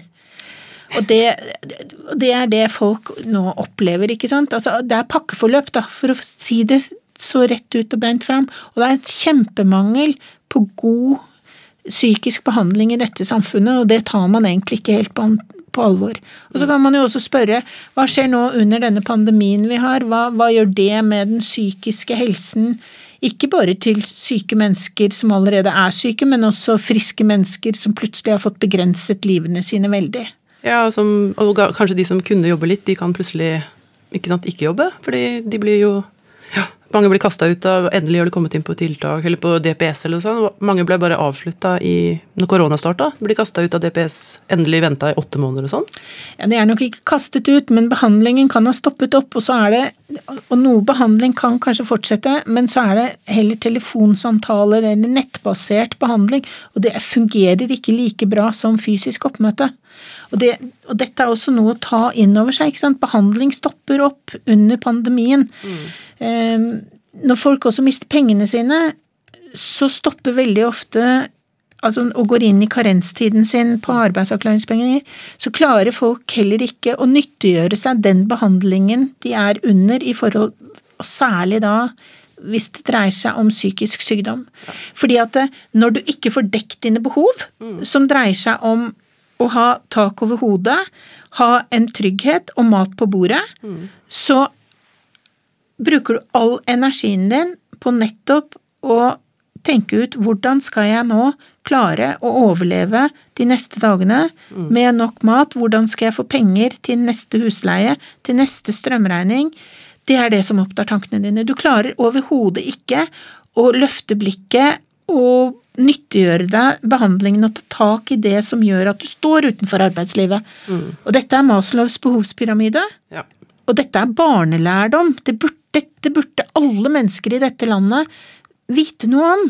Ja, og det er. Altså, det, altså, du, du, kan ta, du, kan ta, det så enkelt som at hvorfor har vi flyktninger? Mm. Hvorfor er det veldig mange som begynner å bevege på seg når, det, når, når en naturkatastrofe rammer? Sult krig starter?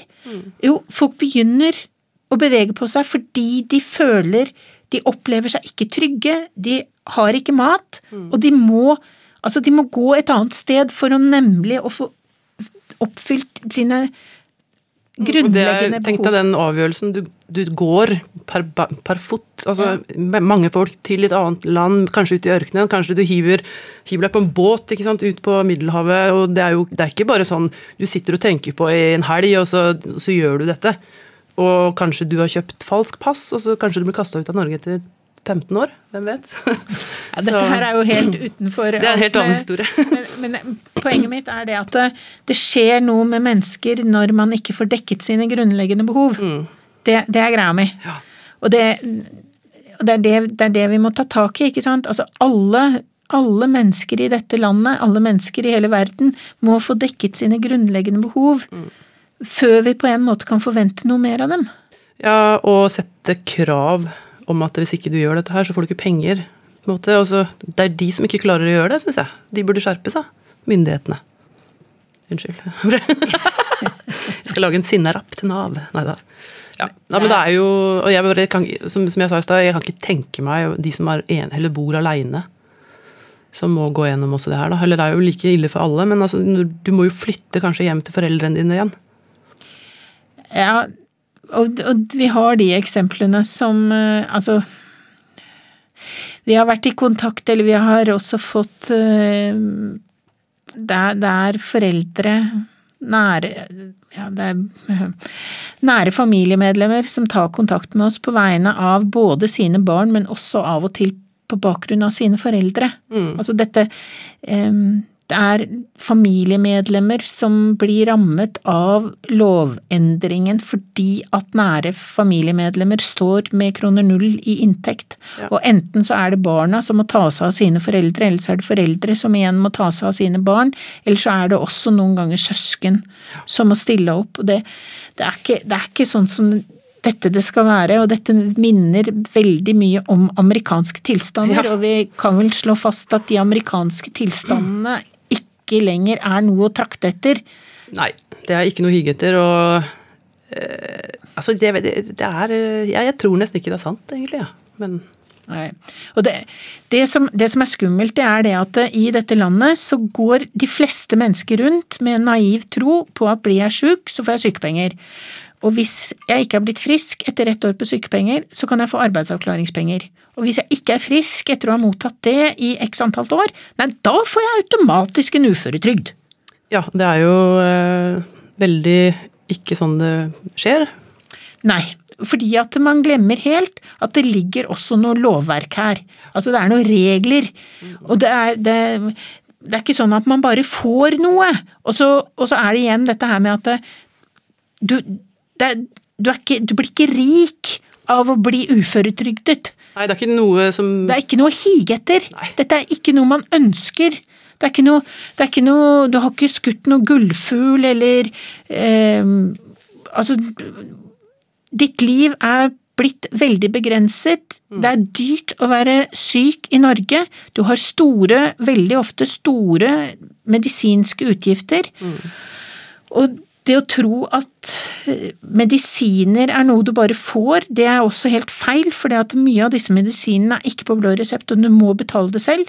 mm, Det er jo helt eh, drøyt. Det er altså sånn at det, eh, det, å, det å bli langvarig syk i Norges land i dag, det er omtrent det samme som å si vær så god og velkommen til fattigdommen. Ja, det er rett og slett det der, og ja, man blir Man må tenke seg om man har Altså, kanskje du er en person da som har eh, sant, Du liker å gå ut med vennene dine en gang iblant. eh, Du Altså, ting som koster penger. Plutselig så kan det hende du sitter i en situasjon hvor du aldri har råd til å gå ut og møte vennene dine bare for å ta en kaffe en gang. Nei, og det kom jo fram fra denne ene saken som TV 2 hadde nå før jul, med alenemammaen med et barn, datter på ja, Hun var i tenåringene, ten, tenårene, og, og datteren hadde aldri råd til å gå ut på kafé med sine venninner. Og mor hadde ikke råd til å betale eller kjøpe julepresanger. Og det er klart det at det, eh, Nå kan man jo si at eh, Altså, hvor, hvor Hva er fattigdom i Norge? Det er klart det at du overlever uten å gå på kafé. Du overlever uten å få julepresanger til jul. Men er det riktig at fordi du er syk, så skal du straffes ved å få mindre penger til å kunne Så du ikke skal kunne leve et verdig liv? Én ting er å leve og eksistere, eller altså mer eksistere, bare eksistere. Mm. Du kan klare deg på veldig lite da, hvis du tåler havregryn. Ja, og du har vann i springen sikkert, og dusj, så det er Ja. fint. Du trenger ikke mer. Men, men altså, alle bør jo kunne få lov til også å leve et liv som omhandler noe mer enn å, å leve på grøt. Ja, altså, hvor skal man få motivasjon fra, tenker jeg, til å liksom, å, finne ut av hva, kanskje man har lyst til å jobbe med ditt og datt, så sier Nav du må finne deg en jobb. Eh, hvor får man motivasjon fra hvis ikke du har råd til å kjøpe deg frokost, eksempel den dagen? Ja, jeg, kan- ta et annet eksempel her. Sånn som eh, unge syke under 25 år som går på arbeidsavklaringspenger, og som nå har eh, ca. da 135 000 å leve for i året. Grunnen til at satsen ble satt ned med da 66 000, eller gud vet hva det er. Ja. Altså fra 2G, da, som er 200 000, til 135 000. Det var rett og slett det at uh, unge studenter ikke hadde mer å leve for. Når de fikk studielån. Sånn at uh, her skulle man sidestille friske studenter som levde på studielån, med syke AAP-mottakere som kanskje klarte klarer å ta ett fag på skolen. Og som ikke kan ha en ekstra jobb, ikke sant? Som ikke kan ha en ekstrajobb. Men det, det var ikke et argument.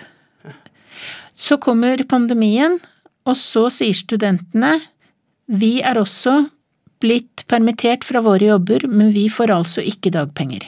Mm. Det vil vi ha, vi må også overleve, vi kan ikke overleve på det vi får i studielån. Mm. Og da falt jo argumentet til politikerne rett ned på bakken, fordi at de hadde jo sagt at syke under 25 år skulle ikke ha noe mer å leve av enn studenter. enn studenter som levde på studielån. Ja. Og da viser det seg jo at de fleste studenter, de har jo en jobb ved siden av. Gjelder det eldre òg, eller? Jeg, jeg som er i 40-åra, jeg skal få utbetalt like mye som en 40-åring som har klart å jobbe helt fint og har en fin jobb? Det bør jo gå begge veier her, da. Ja, men det gjør det nok ikke. Men, men Og så er det noe med, ikke sant, at det, da denne AAP-mottakeren på under 25 år, hvis de skulle klare Altså, hvis de ikke bor hjemme For det er jo mange som faktisk ikke, av ulike grunner, ikke kan bo hjemme hos sine foreldre. Ja. De klarer ikke å leve for 135 000 i året. Det sier seg selv, det. Mm. Fordi at det skal jo trekke skatt av dette her òg. og da blir spørsmålet på en måte Altså, de må da søke supplerende økonomisk sosialhjelp for å få ting til å gå rundt. Ja. Og det betyr også at hvis de skulle være så heldige og kanskje klare å skaffe seg en bitte liten jobb, så vil alt det de tjener, bli trukket fordi de mottar økonomisk sosialhjelp. ja, stemmer, ja. Mm. Og da er vi på det hakket at denne arbeidslinjen som regjeringen er veldig glad i, den funker ikke. Nei. Fordi at disse menneskene de vil ikke sitte igjen med én eneste krone ekstra. Nei. De vil tape penger på å jobbe, og hvor er da motivasjonen? Altså hvor skal man hente motivasjonen for å gjøre en innsats og komme seg ut av den situasjonen man er i, hvis man har den energien da, til å kunne jobbe? Og, og hvis du er på uh, AAP, så er det ikke bare å gå på skole ved siden av, hvis du ikke har fått avklart det? Nei, det må inn i aktivitetsplanen din, og Nav må godkjenne om, du, om det skal være en del av din plan. Ja, og da er det jo ofte Det må være veldig relevant i forhold til utdanning du eventuelt har, eller tidligere arbeidsting. Og ja, ofte så Nei, ja, nå datt jeg ut. Men ja, uansett. Det er vanskelig å studere hvis man har stønad fra Nav. Ja, ja, det kommer litt an på, da, men altså det er klart at hvis du er f.eks. 23 år og du ikke har klart å gjøre ferdig videregående skole nettopp på bakgrunn av helsesituasjonen din, så kan du gjennom Nav kunne få lov til å få støtte til videregående, altså sånn at du på en måte skal komme like langt som dine jevnaldrende i forhold til utdanningsløpet ditt. Ja, så du får studiekompetanse. Ja, eksempel. Får man hjelp til det da, hvis man har hatt problemer med skolestudier på egen hånd? Er det noe man kan få hjelp til? Ja, hvis, altså, igjen, altså, dette er veldig sånn individuelt, ikke sant, men det, det, som, det, det man sier da, som jeg har forstått det, det er at eh, Nav kan se på alderen din, og så kan de se hvor befinner en som er frisk seg i forhold til hvor du befinner deg hen i ditt utdanningsløp, da. Og hvis du har slitt veldig med eh, helseproblemer gjennom de årene du skulle gått på videregående, Mm. og dine jevnaldrende eksempel er ute på universitet, høyskoler, altså er i full gang med en utdanning, så kan Nav si det at eh, ok, vi kan støtte deg i at du skal få vanlig studiekompetanse, sånn at du også da står fritt til å gå videre. Og så kan du få støtte til det eh, i to, tre, fire år. Altså det, det kommer litt an på hva, hva, du står igjen med, hva du kan klare da å få til. Mm. Er det noen flere ting eh, som du har lyst til å ta fram? Har du noen Hva er det Hvordan Hva gjør folk? Er de desperate? Det som alltid gjør veldig inntrykk, det er når vi får inn historier om de som velger vekk livet, hvor vi helt klart ser en Altså ser at en av grunnene også da kan være at ytelser fra Nav har stanset. Mm. Altså inntektsgrunnlaget er blitt revet vekk, de står der på bar bakke. Um, det var en historie jeg fikk inn før sommeren um, 2020 som dreide seg om en foreldre i 30-årene, enslige foreldre, med et barn som hadde klart å spare seg opp til eh, egen bolig. Liten leilighet for seg og sitt barn. Tryggheten. Ja, det er veldig bra jobba. Ja. Um, og eh, så rammer sykdom. Man kommer over på arbeidsavklaringspenger. Man klarer å opprettholde sine økonomiske forpliktelser i forhold til bolig, leilighet man sitter med, og i forhold til utgifter. Og så kommer denne ødeleggende karenstiden, hvor økonomien stopper helt opp, og hvor man går til Nav og søker økonomisk sosialhjelp, og får da beskjed om at et vilkår for at vi skal kunne hjelpe deg, er at du selger boligen din. Uff a meg. Altså, det er helt, der hun jobba og vært flink og skaffa seg dette her helt på egen hånd. Ja. Så bare drar du det bort. altså Det som tar lang tid å få til, og det er ikke alle som får det til engang på egen hånd. Nei. Og det um, Det var da en venn av vedkommende som tok sitt eget liv, som skrev og fortalte historien, Mm. og sendte også med med dødsannonsen, da, og vi går jo inn og sjekker litt opp og undersøker det vi kan, liksom. Mm. Og og det kom jo fram av dødsannonsen at vedkommende valgte bort sitt eget liv. Uff a meg. Um, og, og, og vi vet at uh, Altså, vi, vi kjenner historien. Mm. Og det er liksom ikke noe tvil hos oss at her er det pengene fra Nav som har vært den utløsende faktor til at dette skjer. Og jeg hadde også en mamma som eh, tok kontakt med meg, det er noen år siden nå, og har egentlig Det var før AAP-aksjonen ble til, og jeg satte i gang det engasjementet, eller den saken. Men da var det en mamma som tok kontakt med meg og skrev det at nå hadde sønnen hennes igjen fått avslag på uføretrygd. Og det var da en klage, og han hadde gått uten økonomisk, økonomisk inntekt i flere år. Og, og hun skrev at han var veldig fortvilet, men at hun nå ønsket å hjelpe han, og hun ønsket å komme i kontakt med en advokat da, som kunne hjelpe sønnen med videre klage. Og så skrev jeg tilbake at ja, men det, det, kan jeg, det kan jeg helt sikkert hjelpe deg med. Eh, Og dette var vel da en fredag ettermiddag. For av en eller annen grunn så kommer gjerne disse her håpløse vedtakene fra Nav fredag ettermiddag når alt er stengt. Og så, eh, så hadde jeg litt sånn fram og tilbake kommunikasjon med mammaen og prøvde liksom å motivere til at eh, vi, vi finner en løsning, dette skal, dette får vi til. Og så dagen etter når jeg våkner, så ligger det en ny melding fra denne mammaen hvor det bare står 'det er for sent'. Uff a meg, så tragisk. Og da hadde, da hadde han tatt livet av seg i løpet av natten, og hun bare skrev 'han orket ikke mer nå'.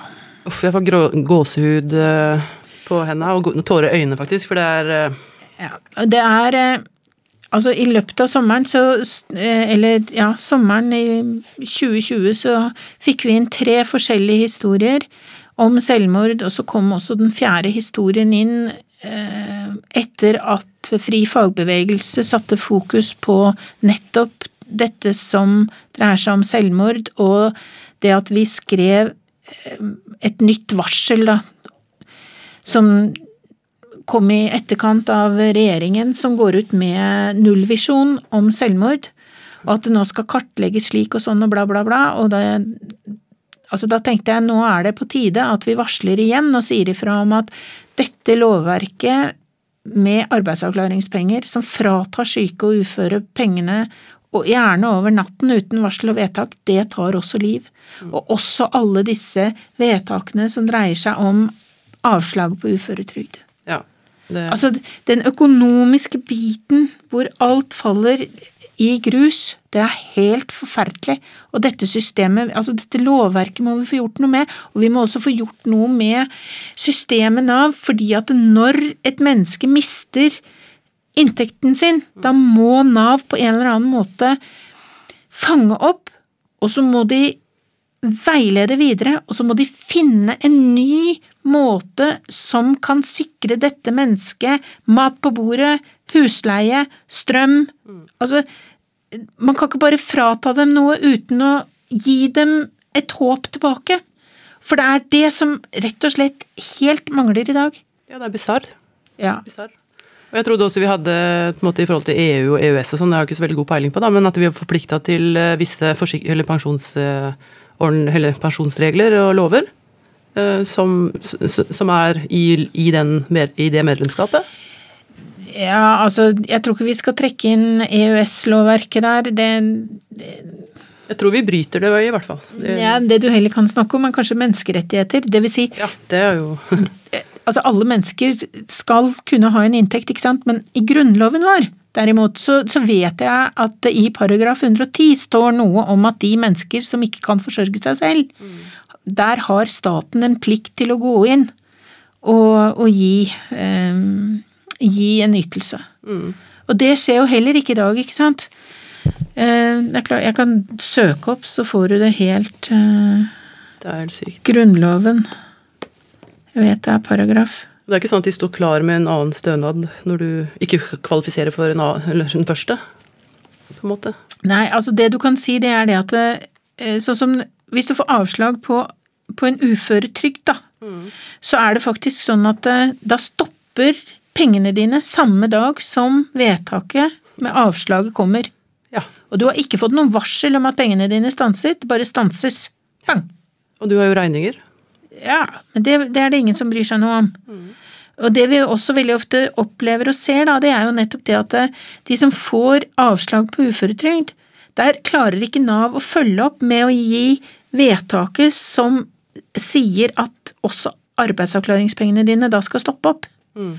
Sånn at eh, pengene fortsetter å bli betalt ut. Oh, ja. Og så kan du få et tilbakebetalingskrav på de pengene du da har mottatt etter at du fikk det vedtaket som sier at du ikke har fått uføretrygd. Så det kan jo være kanskje tre måneder, da? Fire måneder? Ja, det er litt opp og ned.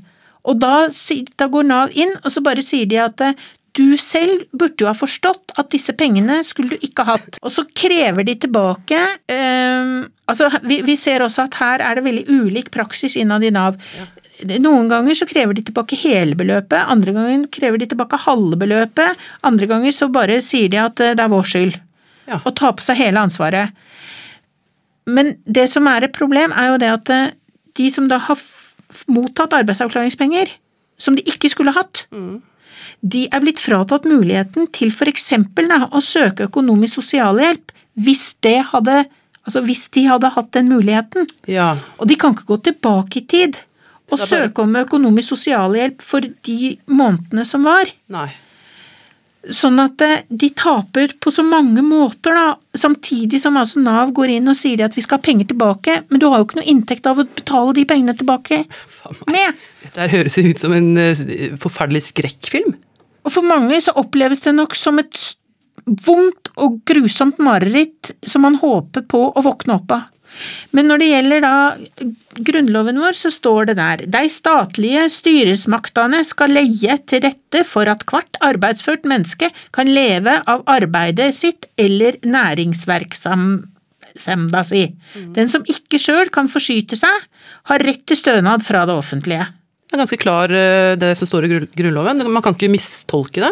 Den som ikke kan forsørge seg selv, har rett til en stønad og rett på penger fra det offentlige. Ja. Og det skjer ikke. Nei.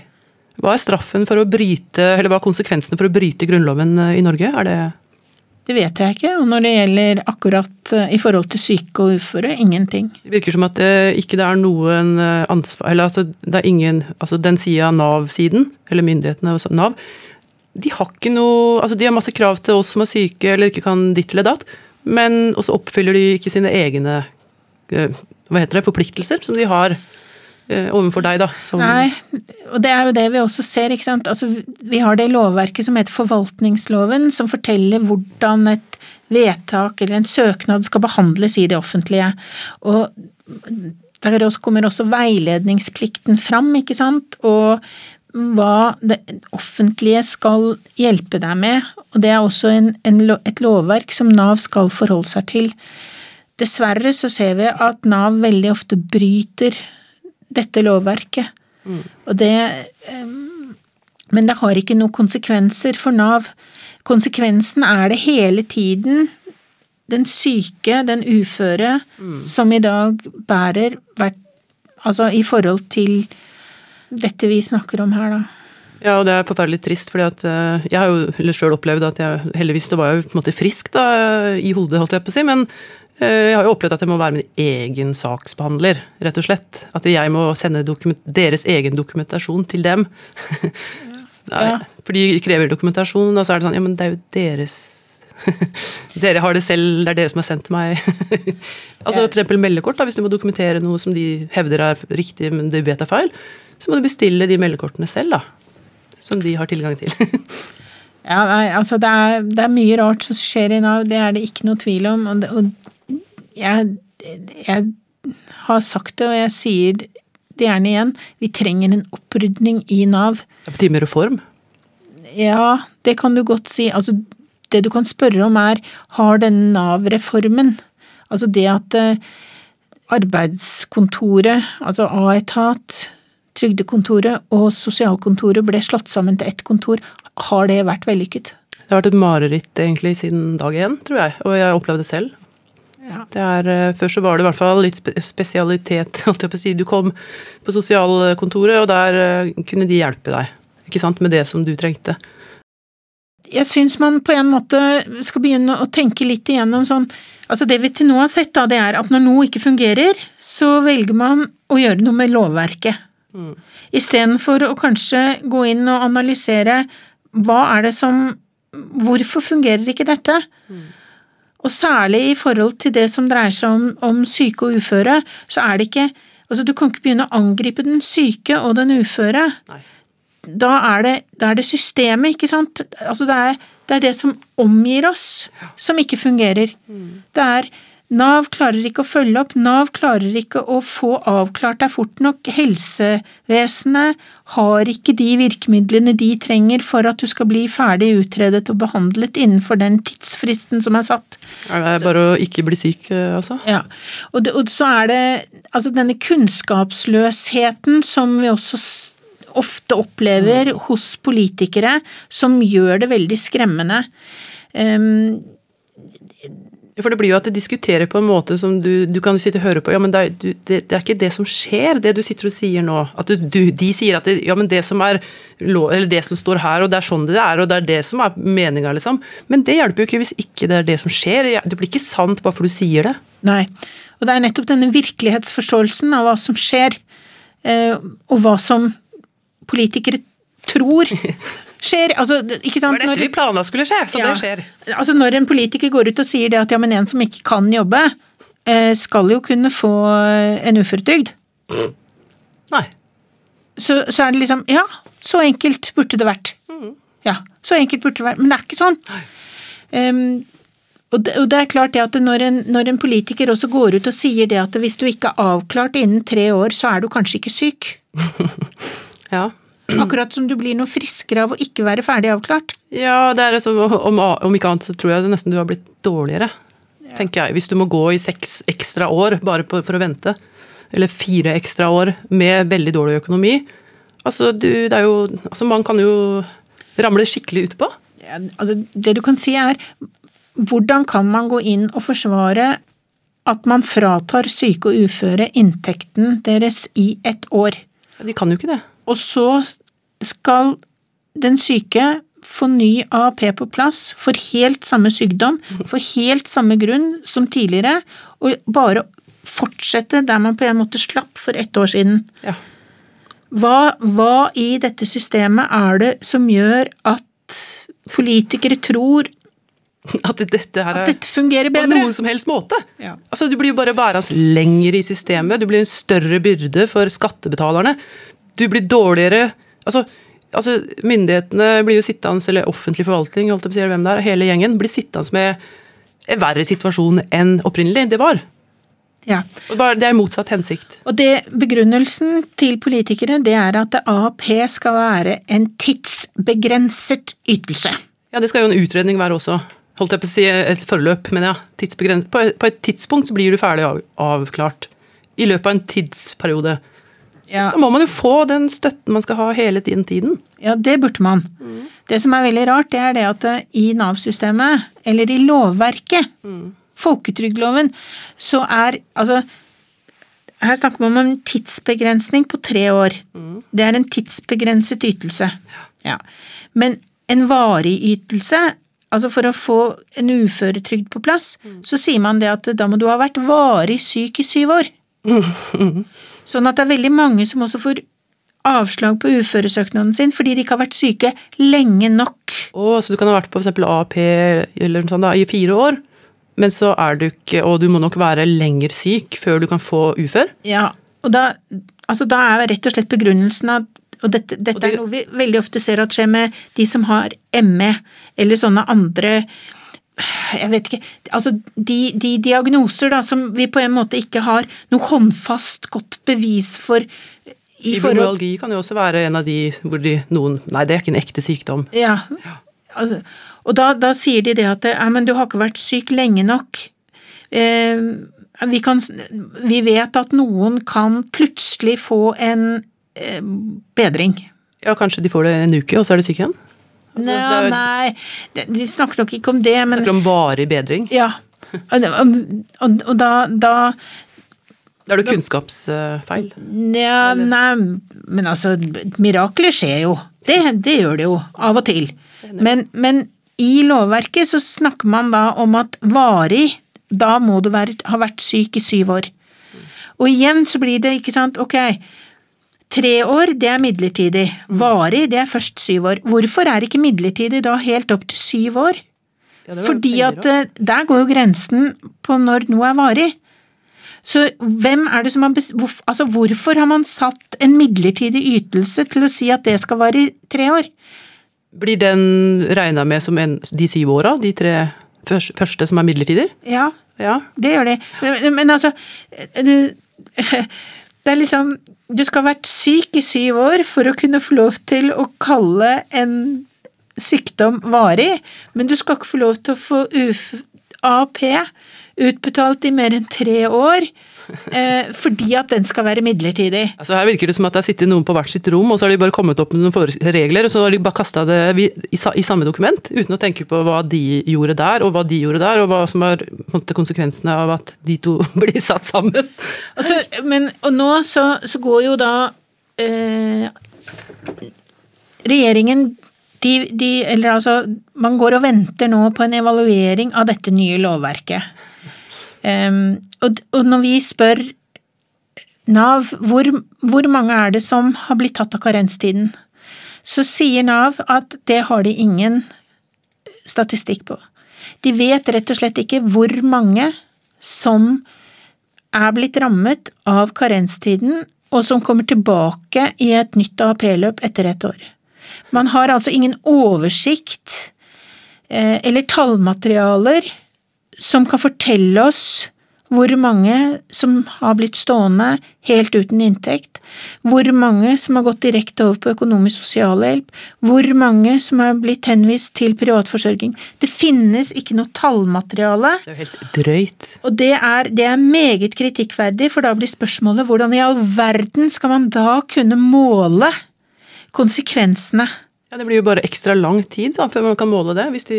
Altså, ja, men man, det, man kan jo ikke måle det. Nei, det er ikke noe system for Og, det. nei, og når, og når vi så spør Nav eksempel hvor lang tid tar det i snitt å bli ferdig avklart i Nav-systemet fra du blir syk og til du får en uføretrygd, det har vi ingen statistikk på.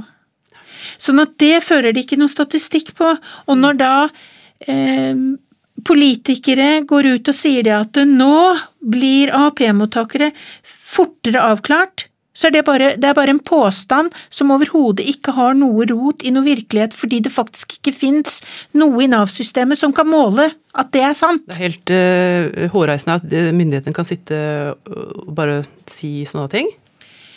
Ja, og, men igjen, ikke sant, så går dette på Og dette er blitt sagt også fra talerstolen i Stortinget, at eh, Altså, det er en av de påstandene, da.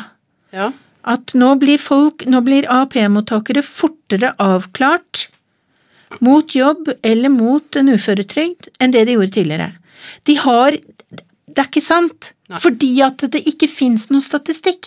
De som blir avklart nå, det kan godt hende at det blir fortere avklart, eller altså i det AAP-løpet de er i nå, men det sier jo ingenting om når de ble syke, Nei. og hvor lenge de tidligere har vært i AAP, altså i Nav-systemet.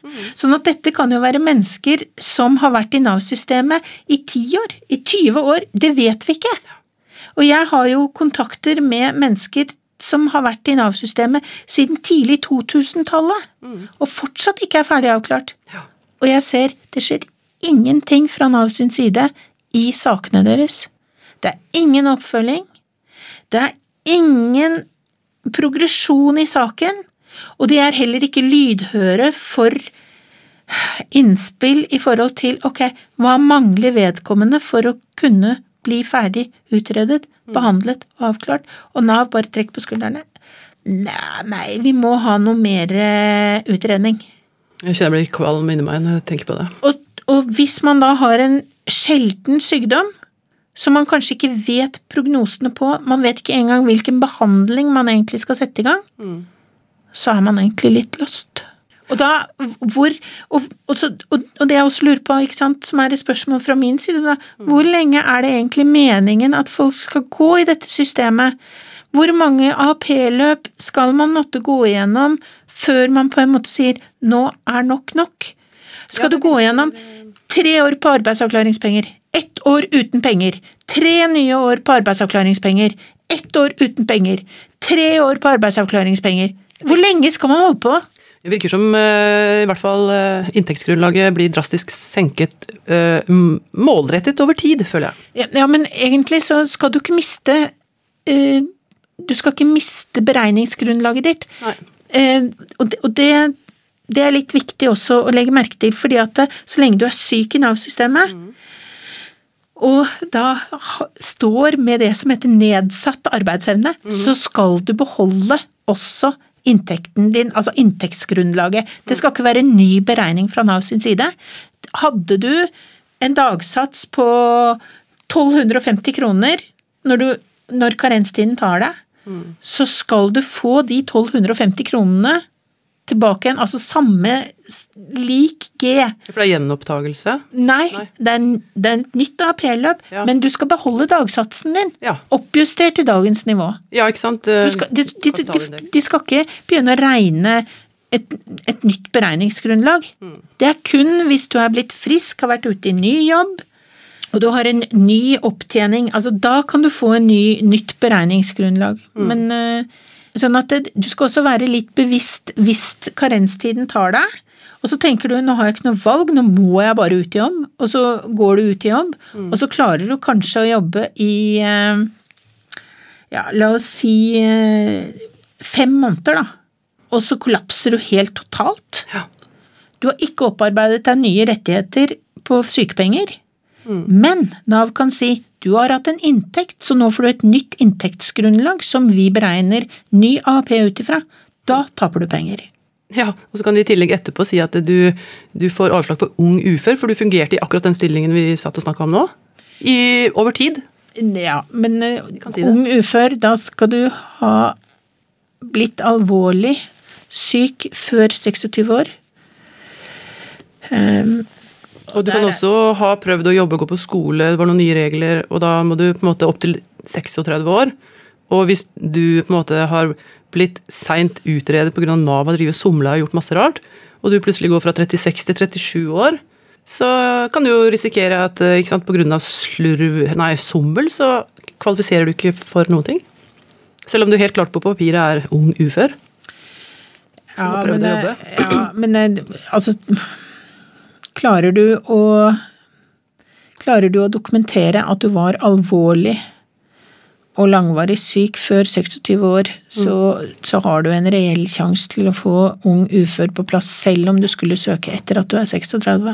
Ja, det er, jo, det er jo betryggende, men jeg tenker også hvis du da eh, kommer fra den tiden som var før digitaliseringen, så kan du ha problemer med å få tak i journaler og sånn fra kanskje 80-90-tallet. Ja da, det er helt sant det. Men akkurat Jeg tror ikke vi skal Det er et annet program.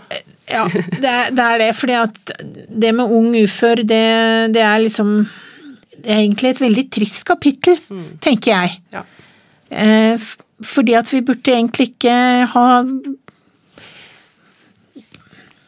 Det er veldig trist at unge mennesker At det ikke er plass til dem i arbeidslivet, og det er klart at det, det er et helt eget satsingsområde. Mm. Eh, hvor man virkelig burde ha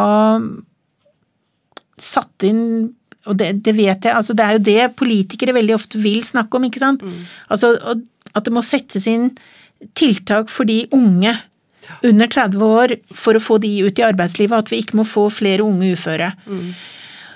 Og det, det, mener jeg også er altså her, her, må det satsing til, og, og vi må egentlig gå inn og spørre oss selv hvorfor får vi så mange unge uføre? Hva mm. er det ved samfunnet vårt ja. som er blitt så gærent? Mm. Er, det, er, det, det at vi at, at, det er flere som blir født for tidlig, som vi klarer å redde, som egentlig har skader, som mm. kommer til uttrykk som gjør at de ikke klarer å jobbe? Er det mobbing på skolen? Er det det at eh, man ikke fanger opp øh, øh, barn har lese-skrivevansker, ADHD, ADDD, altså alle disse her forskjellige typer diagnoser som man kan faktisk gå gjennom et helt liv. Ja, helt skoleløp da, fram til videregående f.eks. Og da er det jo plutselig ansvar på egen, nei, læring på eget ansvar? Ja, ja da, det, liksom det ligger noe her. Jeg har også ofte tenkt på den derre seksår At seksåringene skulle ut i skolen på 90 Det var vel i 96 eller noe sånt. Hva Mener du Reform 94? Mulig det er den. Altså hvor seksåringene skulle begynne på skolen. Ja. Å ja, når du gikk fra, ti, fra 9 til 10 år Nei, eh, på ja, skolen? Ja. ja. Eh, hvilken effekt har det hatt på barna? Mm. Altså hva, hva har eh, hva har dette gjort med barna våre, at de skal begynne på skolen som seksåringer? Er det... Er, har, det, har det vært positivt? Eller viser det seg nå at det er negativt, og at barn rett og slett burde fått lov til å være barn og lekt mye lengre? Mm. Altså fått det der det siste året eh, med lek og moro og, mm. og utviklet hele seg, da. Ja. Istedenfor at de skal settes inn i dette klasserommet ved hver sin pult og allerede da begynne å starte både lese- og skriveopplæring og engelsk og musikk og altså det, Jeg ser jo at de til og med har lekser. Altså, det er liksom Men jeg, jeg vet ikke, men jeg tenker noen ganger at det, var, var, det lurt? Var det et godt valg? Nei, det er nok eh, som mange andre valg eh, som vi opplever at uh, staten Norge gjør. veldig, veldig uh, perverse ordninger uten intensiv. Jeg tror det er mye du skal klippe bort her. ja. jeg leste en undersøkelse i går, nemlig. Hva? Ja, om eh, offentlige investeringer. Og eh, perverse investeringer uten intensiv. At de plutselig bare finner på ja, nå skal vi ta f.eks. Nav-reformen. da, Eller her har du noen redningshelikopter, og så kan de ikke lande, og så har du ikke noen følgeopp-plan, oppfølgingsplan. Og så er det bare oi, shit, som eksempel her. Å ja, nei, da må vi bare eksempel, Da blir det karenstid. Vi har ikke noen plan. Og så er det jo ja, dere friske og opplagte sine skattepenger det går utover. Jeg kan jo si tusen hjertelig takk for at jeg ble invitert inn og får lov til å fremme mitt uh, budskap. Ja, og budskapet er helt klart. Alle syke og uføre må ha en inntektssikring fra de blir syke og fram til de er ferdig utredet, behandlet og avklart.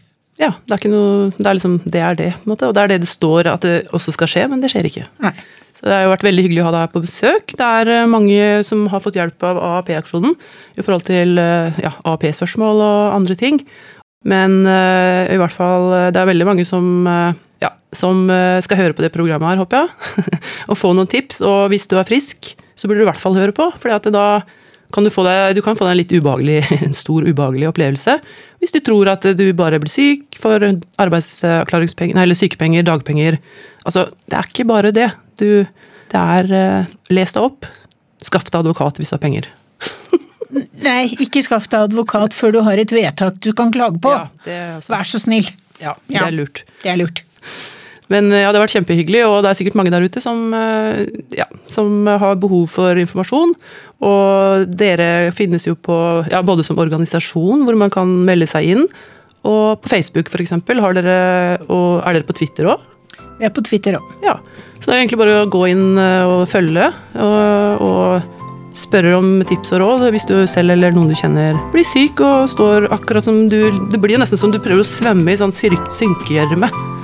Det går ikke an, du blir liksom stående fast, og det er eh, greit å få noen tips, tenker jeg. Og tusen hjertelig takk for meg. Bare hyggelig. Stay strong, people.